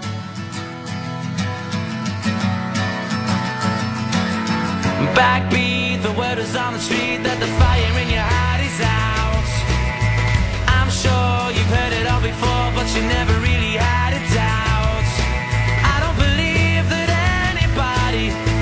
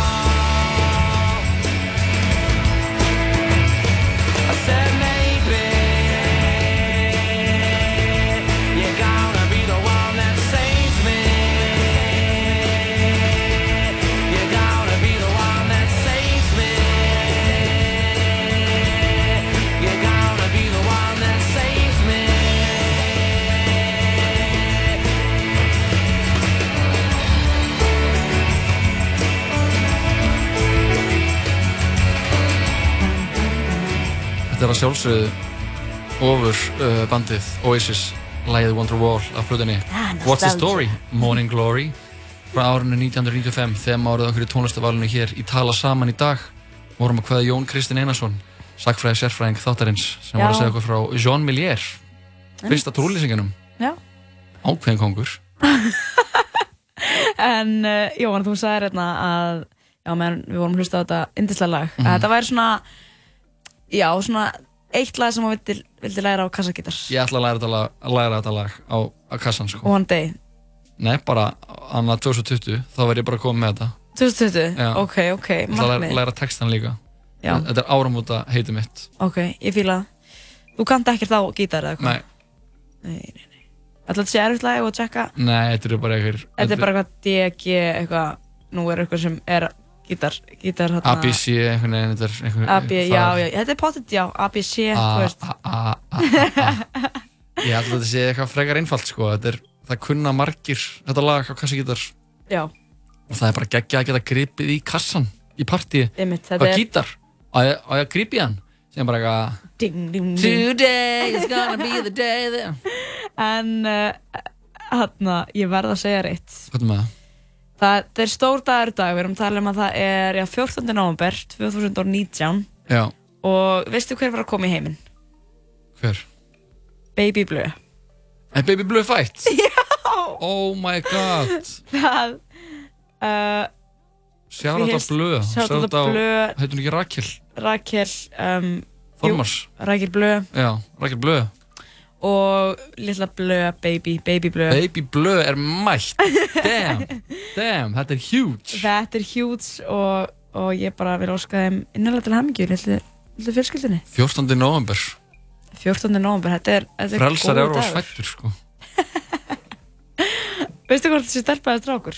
Ég veit ekki hvort það sé komið ljós. Þetta er, alltaf bara, þetta er bara baby. Þetta er Baby Blöð Þetta er baby blue Það er bara, það transcendar öll kyn og allt sem að, er svona, alla skilgreiningar þegar þú ert Baby Blöð uh, Herru, ég er með eitt hérna gott þannig að ég er með ó, ég er með tvö rosa lög. Fyrir bæði Rakel Já, og Ödda ok, þau eru þannig að nýju fóreldrar ok. Tvö risalög sem kom út frá stærstu rappurum ársins 1995 Tupac, lagið Dear Mama og The Notorious B.I.G. lagið Big Papa Ok ég held að við þurfum eiginlega bara að hlusta á bæði þessu lög byrjum á uh, Tupac allana Já. þetta er fyrir Baby Blue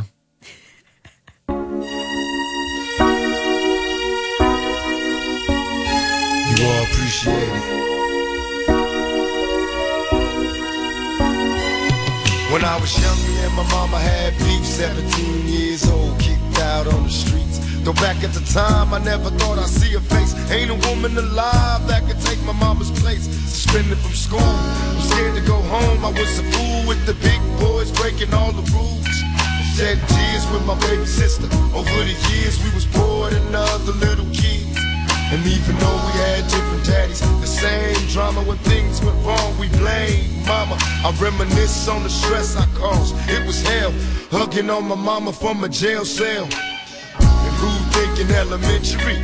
Hey, I see the penitentiary one day. Running from the police, that's right. Mama catch me, put a whoop into my backside. And even as a crack fiend, mama, you always was a black queen, mama. I finally understand for a woman it ain't easy trying to raise a man. You always was committed, a poor single mother on welfare. Tell me how you did it. There's no way I can pay you back, but the plan is to show you that I understand. You all appreciate it. Don't you know we love you, sweet Dear mama, Place no one above you, you all appreciate it. Don't you know we love ain't nobody tell us it was fair. No love for my daddy cause the coward wasn't there. He passed away and I didn't cry. Cause my anger wouldn't let me feel for a stranger. They say I'm wrong and I'm heartless. But all along I was looking for a father, he was gone. I hung around with the thugs, and even though they sold drugs, they showed a young brother love. I moved out and started really hanging. I needed money of my own, so I started slanging. I ain't guilty, cause even though I sell rocks, it feels good putting money in your mailbox. I love paying rent when the rent's due. Hope you got the diamond necklace that I sent to you. Cause when I was low, you was there for me. You never left me alone because you cared for me. And I can see you coming home after work late. You're in the kitchen trying to fix us a hot plate. You're just working with the scraps you was given. And mama made miracles every Thanksgiving. But now the road got rough, you're alone. You're trying to raise two bad kids on your own. And there's no way I can pay you back. But my plan is to show you that I understand. You all appreciate it. And dear mama, Place no one above you, you all appreciate? Pour out some liquor and I reminisce. Cause through the drama, I can always depend on my mama. And when it seems that I'm hopeless, you say the words that can get me back in focus. When I was sick as a little kid, to keep me happy, there's no limit to the things you did. And all my childhood memories are full of all the sweet things you did for me. And even though I act crazy, I gotta thank the Lord that you made me. There are no words that can express how I feel. You never kept a secret, always stayed real, and I appreciate how you raised me, and all the extra love that you gave me. I wish I could take the pain away. If you can make it through the night, there's a brighter day. Everything will be alright if you hold on. It's a struggle every day, gotta roll on. And there's no way I can pay you back. But my plan is to show you that I understand. You all appreciate it. Don't you know we love you, sweet Dear mama. lady? Place no one above you, You all sweet lady. Don't you know we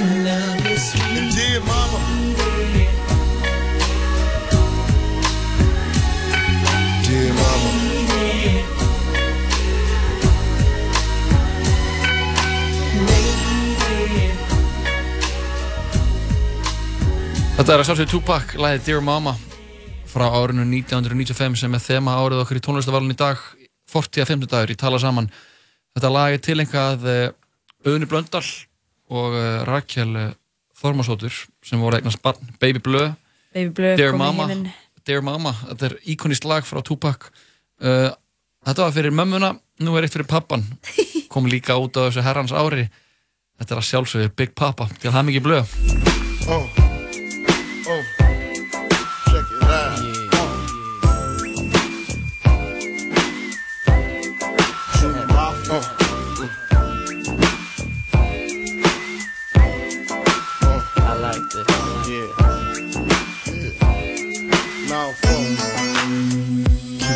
All the the place with style and grace, allow me to lace these lyrical douches in your bushes. Uh. Who rock grooves and make moves with all the mommies. The, back, of the club, sipping my wet is where you find me. The back of the club, macking holes, my crew's behind me. Uh. Mad question asking, blunt passing, music lasting. But I just can't quit because one of these honeys Biggie got to creep with, sleep with, keep the ep a secret. Why not? Uh. Why blow up my spot? Cause we both got hot. Now check it. I got more Mac than Craig and in the bed. Believe me, sweetie, I got enough to feed the needy. No need to be greedy. I got mad friends with Benzes. See notes by the layers. True fucking players. Jump in the rover and come over. Tell your friends jump in the GF3. I got the chronic by the tree. Throw your hands in the air if you's a true player. To the honeys getting money, playing niggas like dummies. Uh. You got a gun up in your waist, please don't shoot up the place. Cause I see some ladies tonight that should be having my baby. Uh, baby.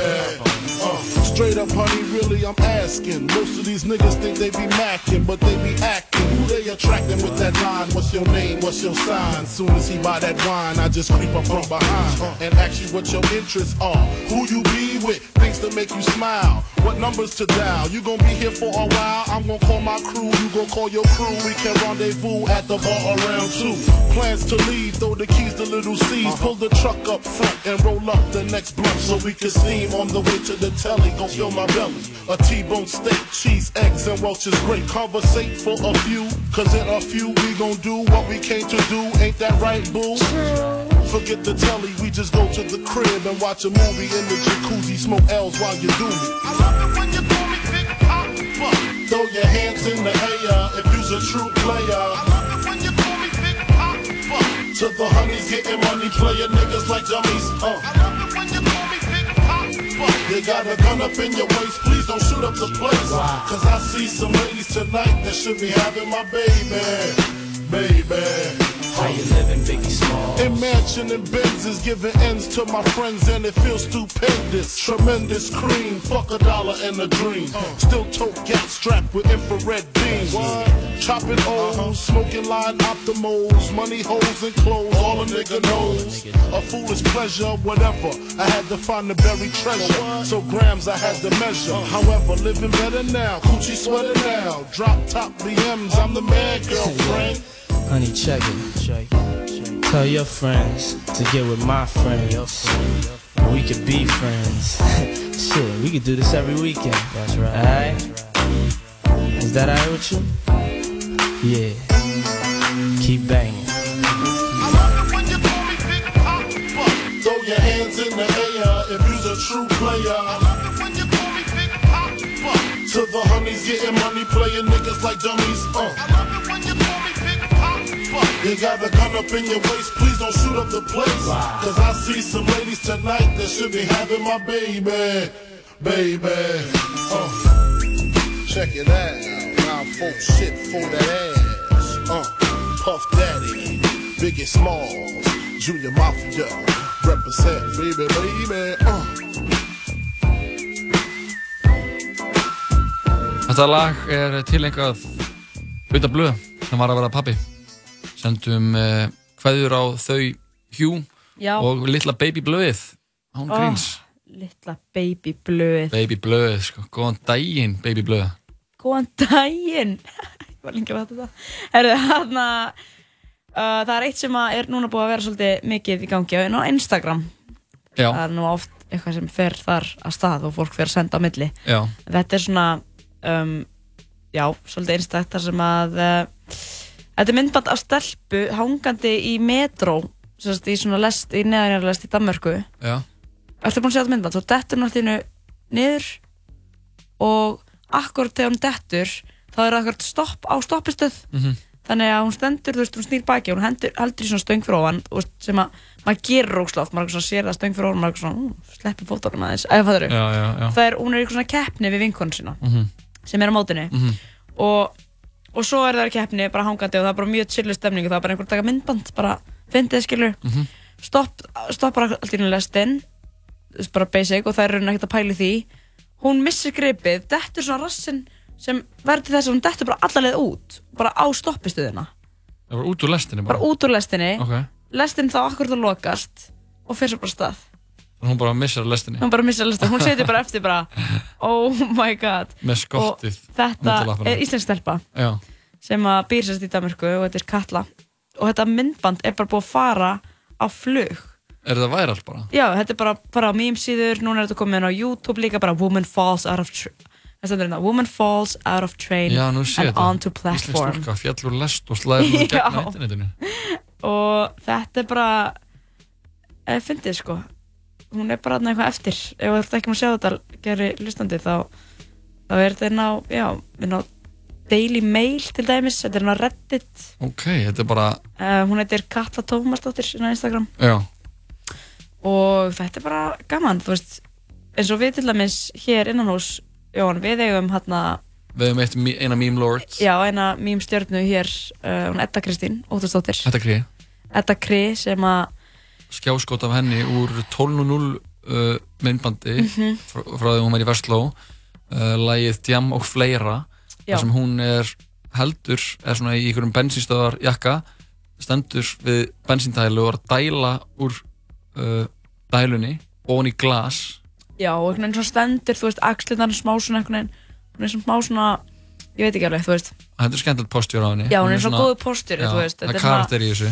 og þetta fór uh, út um allt. Þetta er bara mím, þetta er bara orðið mím, þú- established þú dæmi. getur skrifað sko bara hvað gas, gasoline girl inn á, inn á Google og þá kemur mynd af þetta og svo er gaman frá því að um, ann- annar samstagsfélag okkar var út í París núna um daginn. Mhm. á okkur svona ljósmyndasýningu. Mhm. eða ljósmynda ráðstefnu einhvern veginn svo leiðis um, og um, er eitthvað að skoða bækur þú veist í, og já, og var, voru að skoða svona bækur svona ljósmyndabækur og sko, viti menn það er mynd af ettu inn í einni bók bara það er ekki íslendingur sem á þessa bók. Gasoline Girl. það er bara Gasoline Girl og akkurat bara svanildur að skoða þessa bók út í Mhm. París þannig að þetta er líka væral og, og við fleiri íslenskar mýmstjörnur Uh, ég veit ekki hvort að eitthvað hafi orðið í, náttúrulega hann að kvíli friði, Stefán Karl hann var náttúrulega legendary einmitt, hann,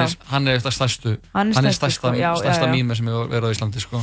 þegar hann var uh, að leika gl- glanaglæp og uh, síðan veit ekki alveg það náttúrulega var, veit ég hvort það var orðið meme þegar hann leik í þannig trailerinn hans Magnús Skevings mm. af bíómyndinni sem hann að gera sem var eitthvað svona action trailer hann og Jackie Chan Guð? Nei, það var eitthvað svona, alveg svona legendary lélu trailer fyrir eitthvað mynd. Sem veit ég, ég, held, ég held að hann hafi komið út. Uh, ég Herðu, að ég er búin að sjá þessa mynd. Já, já, já, já, já, ég veit alveg hvað mynd er Uh, man ekki alveg hvað hún heitir. en ég held ég, ekki svona ekki fljótu bragði man ég eftir, eftir einhverjum fleiri íslenskum mýmum. En talandi um eitthvað sem fer eins og Anna eldur í sinu um netið ertu búin að sjá vídjóið af uh, svona, svona skólarútu sem er stopp einhver staðar í bandaríkjunum og kemur gæi og hendir er að henda að því sem virðist vera barn, bara bílstjórun er að henda því sem virðist vera barn út úr þessari út úr þessum uh, strætó þetta er bara svona skúlbass Já. skólastrætó Mhm. og hann, að- hann bara er að henda ykkur bara ykkur sem er hettuna uppi loð hettu og er svona lítið bara með, hann, að- er með bakboka og hann er bara af bara offorsið hann að henda þessum einstaklingi út úr rútunni. Mhm. þá kemur bara kona bara hvað er að þér? Bara kemur ræðst og fyrir að slá hann bara þetta er barn þetta svona gerir ekki. Og bara hrópast svona hópast fólk og byrja að hrópa bara hvað er að þetta er barn. Og hann bara þetta er ekkert barn þetta er ekkert barn eitthvað. Og sér henni verið að lifta krakkanum upp Já. kemur í ljós að þetta er dvergur sem er bara að þessu upp eins og barn og er inni í rútunni Ó, og þá bara einhvern veginn að klárast vídeoið. Vá, hvað ég hef margar spurningar. Já. Sæll. Og þetta er bara, það er allir búin að vera þetta er búin að fara eins og eldur í sinu um netinu og það er allir bara, ok, hvað er í gangi hérna? Einhver sagði að þetta er Erik Andrei skets Já. hann alltaf er þekktu fyrir að vera með svona mjög súran húmor og súr, súra sketsa í þættinum sínum The Eric Andre Show og eitthvað svona, þetta er algjörlega hans lenska hanna en ef þetta er ekki skets, þá er þetta scary, sko. Þetta er alveg svona, þetta er creepy. Ég held sko í smá að vera að segja að þetta veri bara einhver simpansi hérna undir. Nei, bara einhver lítill api. Þetta var bara í loðhættu með loðhættu á sér dvergur uh, Dvergur að koma sér um borðum á skóla eh, upp í skólarútu. Já, þetta er alveg þannig að Herru, fáum eitt gott hérna. Ég held að þetta vídeo hafi verið tekið í New York. Og uh, eitt af mínum uppáhalds rapplögum áður þannig að bara ever það er okay. fyrstu lögum sem ég heyrði var bara ok, ég held að ég I can, I can dig this Já, hvað, bara eitthvað þryggjára uh, Nei, þetta var því ég byrjaði að hlusta ég hlusta á rap því ég var þannig í svona 5. bekk, hlusta Eminem og síðan byrjaði aftur að hlusta á rap í 8. bekk Ok, ok. hlusta á rockan á milli síðan þegar ég var í 8. bekk þá kynnti Vilmund Bjarmundur mér fyrir hljómsveitinni Mad Villain sem eh, gáði plötu 2000 og eitthvað við, það er ekki það og, og Hermi Gervill sem er alltaf góðkunnur góðvinnur inna út af sinns og síðan var það þetta lag með rapparunum ODB, Old Dirty Bastard úr uh, Wu-Tang Clan sem gáði út sína einu plötu árið 1995 uh, áður en hann uh, lést. Og uh, þetta, nei, hann gáði út tvær plötur. Á þessi og, N, og platan N-Word Please. Uh, þetta lag heitir Brooklyn Zoo og er, ef þú spyrir mig eitt af bara svona íkonískustu New York rapplögum bara lögunum sko Ég er bara til í þetta Það ekki, tjekkum á þessu. I bust that nigga ass right now. Ain't no none of them niggas can't fuck. What? Nigga, you could never fuck me, my nigga. I'll fuck you up right now. What? What? What? Fuck bust your motherfucking ass, boy. Ain't no motherfucking joke. You know who you talking to? Old dirty bastard. You know what I'm saying? I'll fuck you up right now. Yeah. What? What? What? that nigga, yo. He ain't saying nothing. Fuck him. I'm the one man army ain't showing. I never been tooken out. I keep MCs looking out. I drop signs like be dropping babies. Enough to make a nigga go crazy. In the G building, taking all types of medicines. Your ass thought you were better than a son. I keep planets in orbit while I be coming with deeper and more shit. Enough to make you break and shake your asses out today. Rhyme good as a tasty cake makes. This style I'm in. Niggas catching headaches, what, what? You need aspirin? This type of pain you couldn't even kill with might on. Fuck around, get sprayed with on. In your face like the can of mace, baby. Is this burning what fucking now you're learning? How? I don't even like your motherfucking profile. Give me my fucking shit. Wow, I seen and heard. No one knows. You forget. Niggas be quiet as cat. Now you know nothing before you do a whole fucking lot. Your ass don't wanna get shot. A lot of MCs came to my showdown. Then watch me put your fucking ass low down. You can go below zero. Without a doubt, I never been taken out by a nigga who couldn't figure. Yeah, by a nigga who couldn't figure. Yeah, by a nigga who couldn't figure how to pull a fucking gun trigger to get the fuck out of here. Nigga wanna get too close to the utmost, but I got stacks that'll attack any whack host. Introducing your fuck that nigga's name. My hip hop drops on your head like rain. And when it rain, it pours up my rhymes hardcore. That's why I give you more of the raw talent that I got will rock the spot. MCs, I'll be burning, burning hot. Whoa ho ho, let me like slow up with the flow. If I move too quick, oh you just won't know. I'm homicidal when you enter the target. Nigga, get up, act like a pig, try to hold shit. So I take your ass out quick, the mic's I'm had it, my nigga. You can suck my dick. If you wanna step to my motherfucking rep, blow, blow, blow, blow to death. You got shot cause you knock, knock, knock. Who's there? Another motherfucking hard rock. Slacking on your back cause raw's what you lack. You wanna react? Bring it on back. Yeah. Shame with you when you stepped up to the old dirty bastard. Brooklyn, sure. Shame on you when you stepped up to the old dirty bastard. Brooklyn, sure. Brooklyn, sure. Shame on you when you stepped up to the old dirty bastard. Brooklyn, sure. Shame on you when you stepped up to the old dirty bastard. Brooklyn, sure. Shame on you when you stepped up to the old dirty bastard. Brooklyn, sure. What? My nigga. Shame on you. Shame. Shame on you when you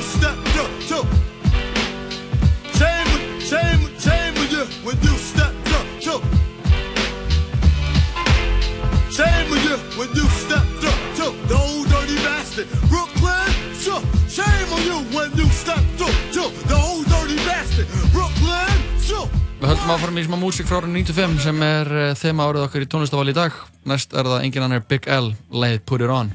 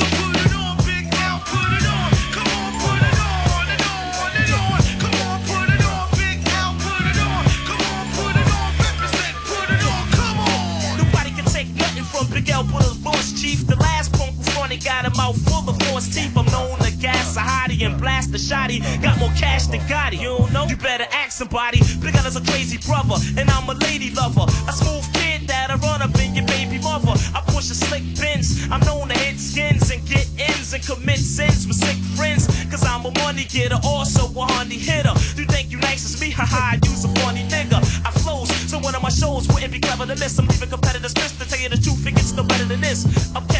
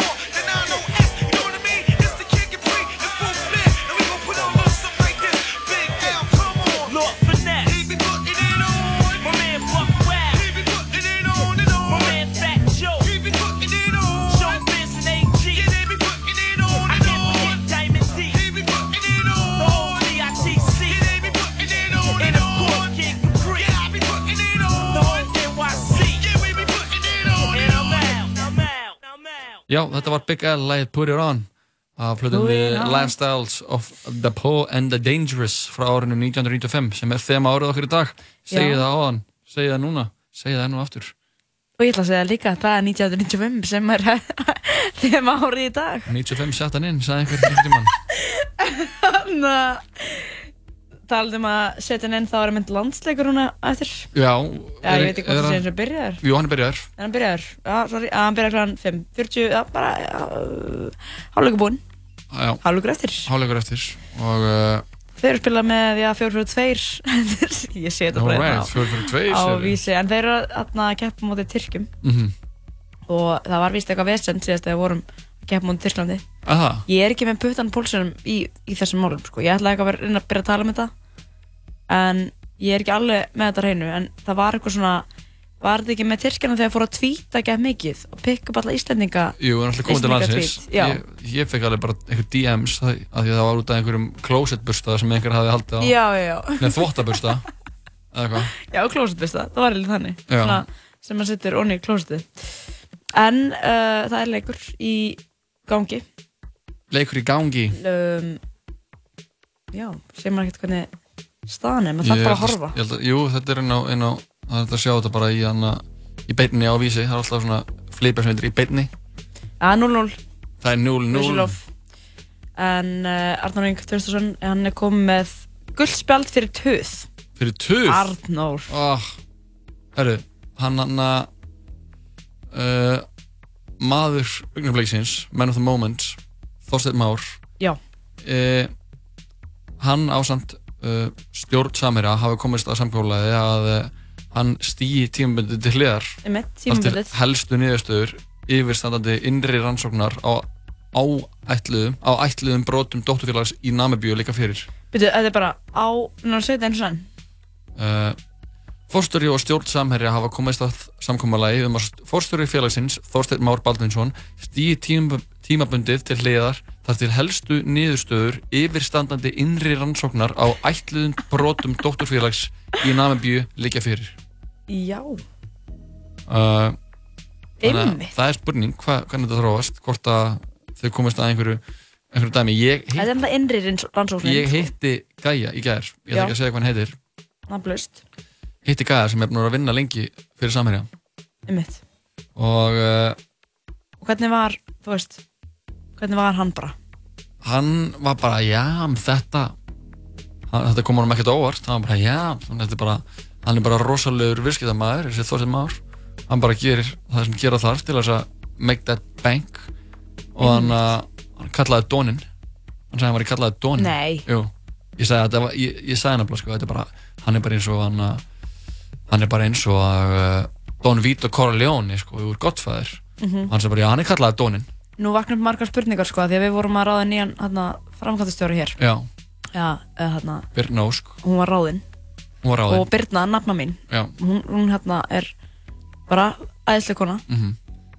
Og það er samt, þú veist, það kom smá svona upp eitthvað, úff, tvær Birnur á saman vinnstannum. Þannig að ég Smá. er oft kallið Bibba eða Bibba litla MC, og hún fekk nafnið Dawn Birna. Don Birna, já E- var að ræðast það?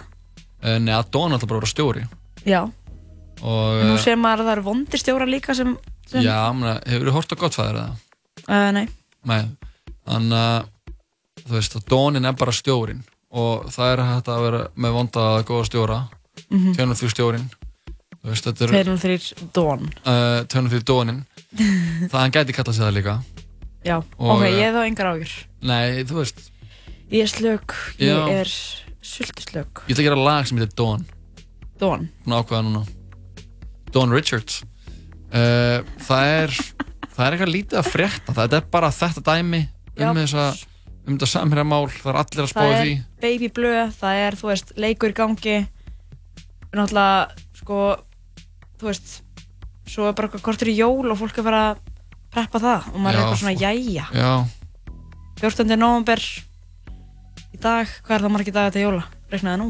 uh, 41 Nei, 40 30 Nei, 40 Það eru 30 dagar í veist, það eru 1, Æ, við- 2, 3, 4, 5 og hálf vika jól. Einmitt, það er klikkað. Það er smá klikka. Herru, fáum eitt lag hérna. Við þurfum bara að halda fórum að hlusta tónlist. Ég held að við þurfum að fá eitt lag sem er ekkert endilega rapplag. Já, við erum eitt hérna síkilt. Sígilt? lag með okkar ástsælustu tónlistarkonu og tónlistarmannisku. Þetta er að sjálfsögðu Björk Guðmundsdóttir og lagið heitir It's Oh So Quiet.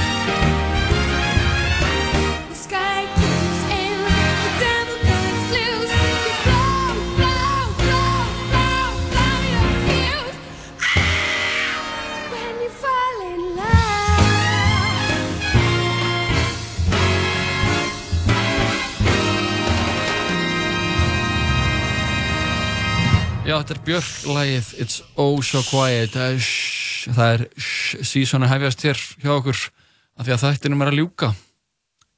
Já, það. Já, það er víst. Það eru- er hérna og Gæluverska glæpi. Gæluverska viðbjóð. Allir krakkar elska viðbjóð. Já. Það verðist engina sem ég sett hennar brandara við en að fatta referensin hjá mér. Er það bara allir krakkar lægið? Nei, allir krakkar. Þetta er, þetta er annað skets með í fósparum Það sem er verið að selja eitthvað svona viðbjóður Já.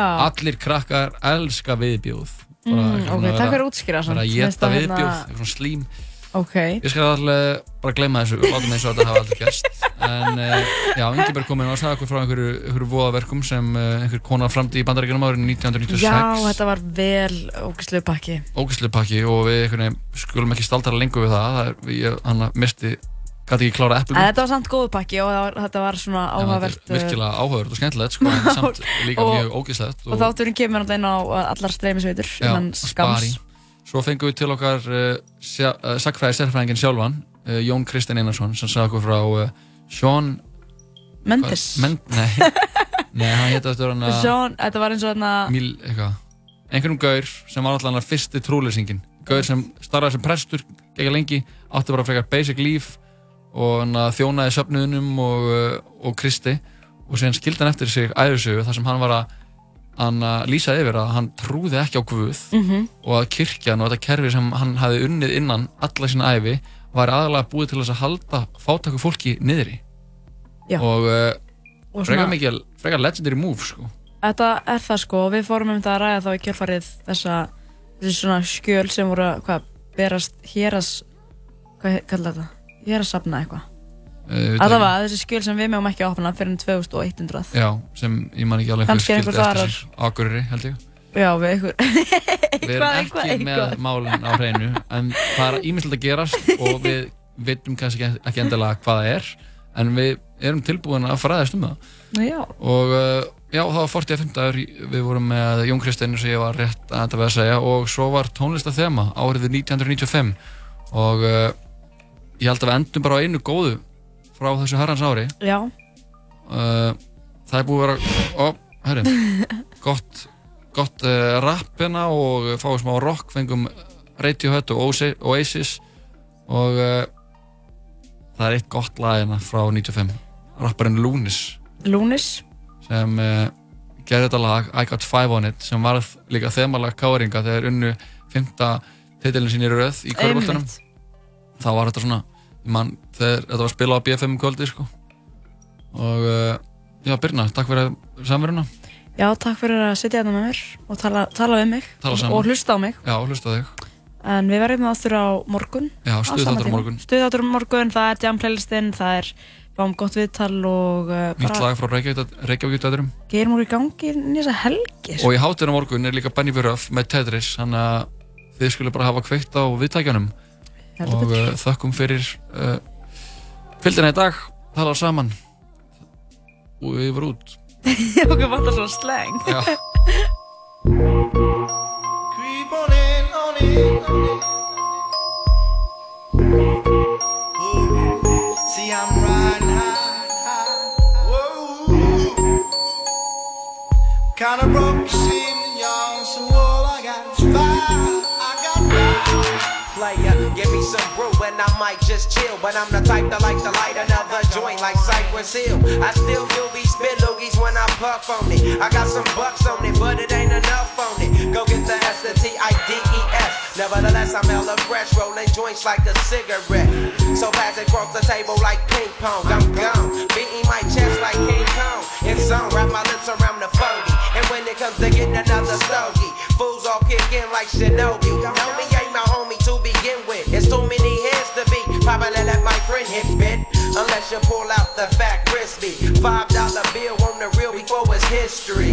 Cause fools be having them vacuum lungs. And if you let them it for free, you hella dumb. Dumb, dumb. I come to school with a Taylor on my earlobe. Avoiding all the click teasers, skeezers, and weirdos. Got me throwing off the land like where the bomb at. Give me two bucks, you take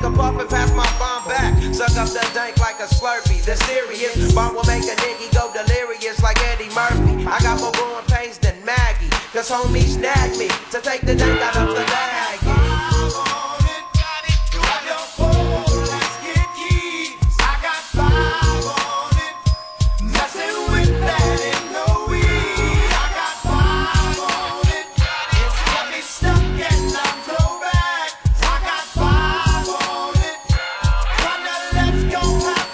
I take sacks to the face whenever I can. Don't need no crutch, I'm so keyed up.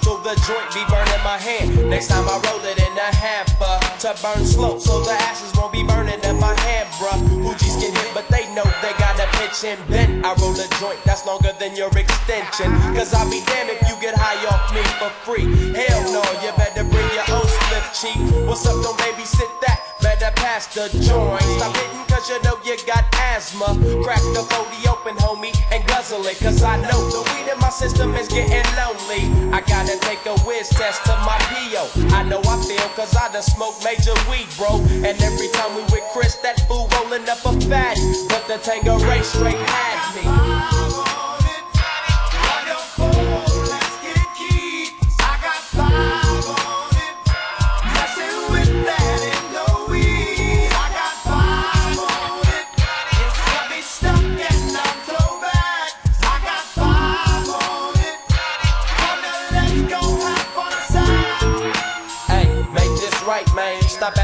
Man. My yesterday thing got me hung off the night train. You fade, I fake, so let's head to the east. Hit the stroll to 9 so we can roll big hot sheets. I wish I could fade the 8, but I'm no budget. Still rolling the two, though, cut the same old bucket. Foggy window, soggy endo. I'm in the land, getting smoke with my kinfolk. in smoke. Yuck, I spray you, lay down. Up in the OAK, the town. Homies don't play around, we down there blaze a pound. Then ease up, speed up through the ESO. Drink the VSOP up with the lemon squeeze up. And everybody's roller. I'm the roller that's quick to fold a blunt out of a bunch of sticky doja. Hold up, suck up my weed, it's all you do, kicking feet. Cause we're IBs, we need tap like the foo foo.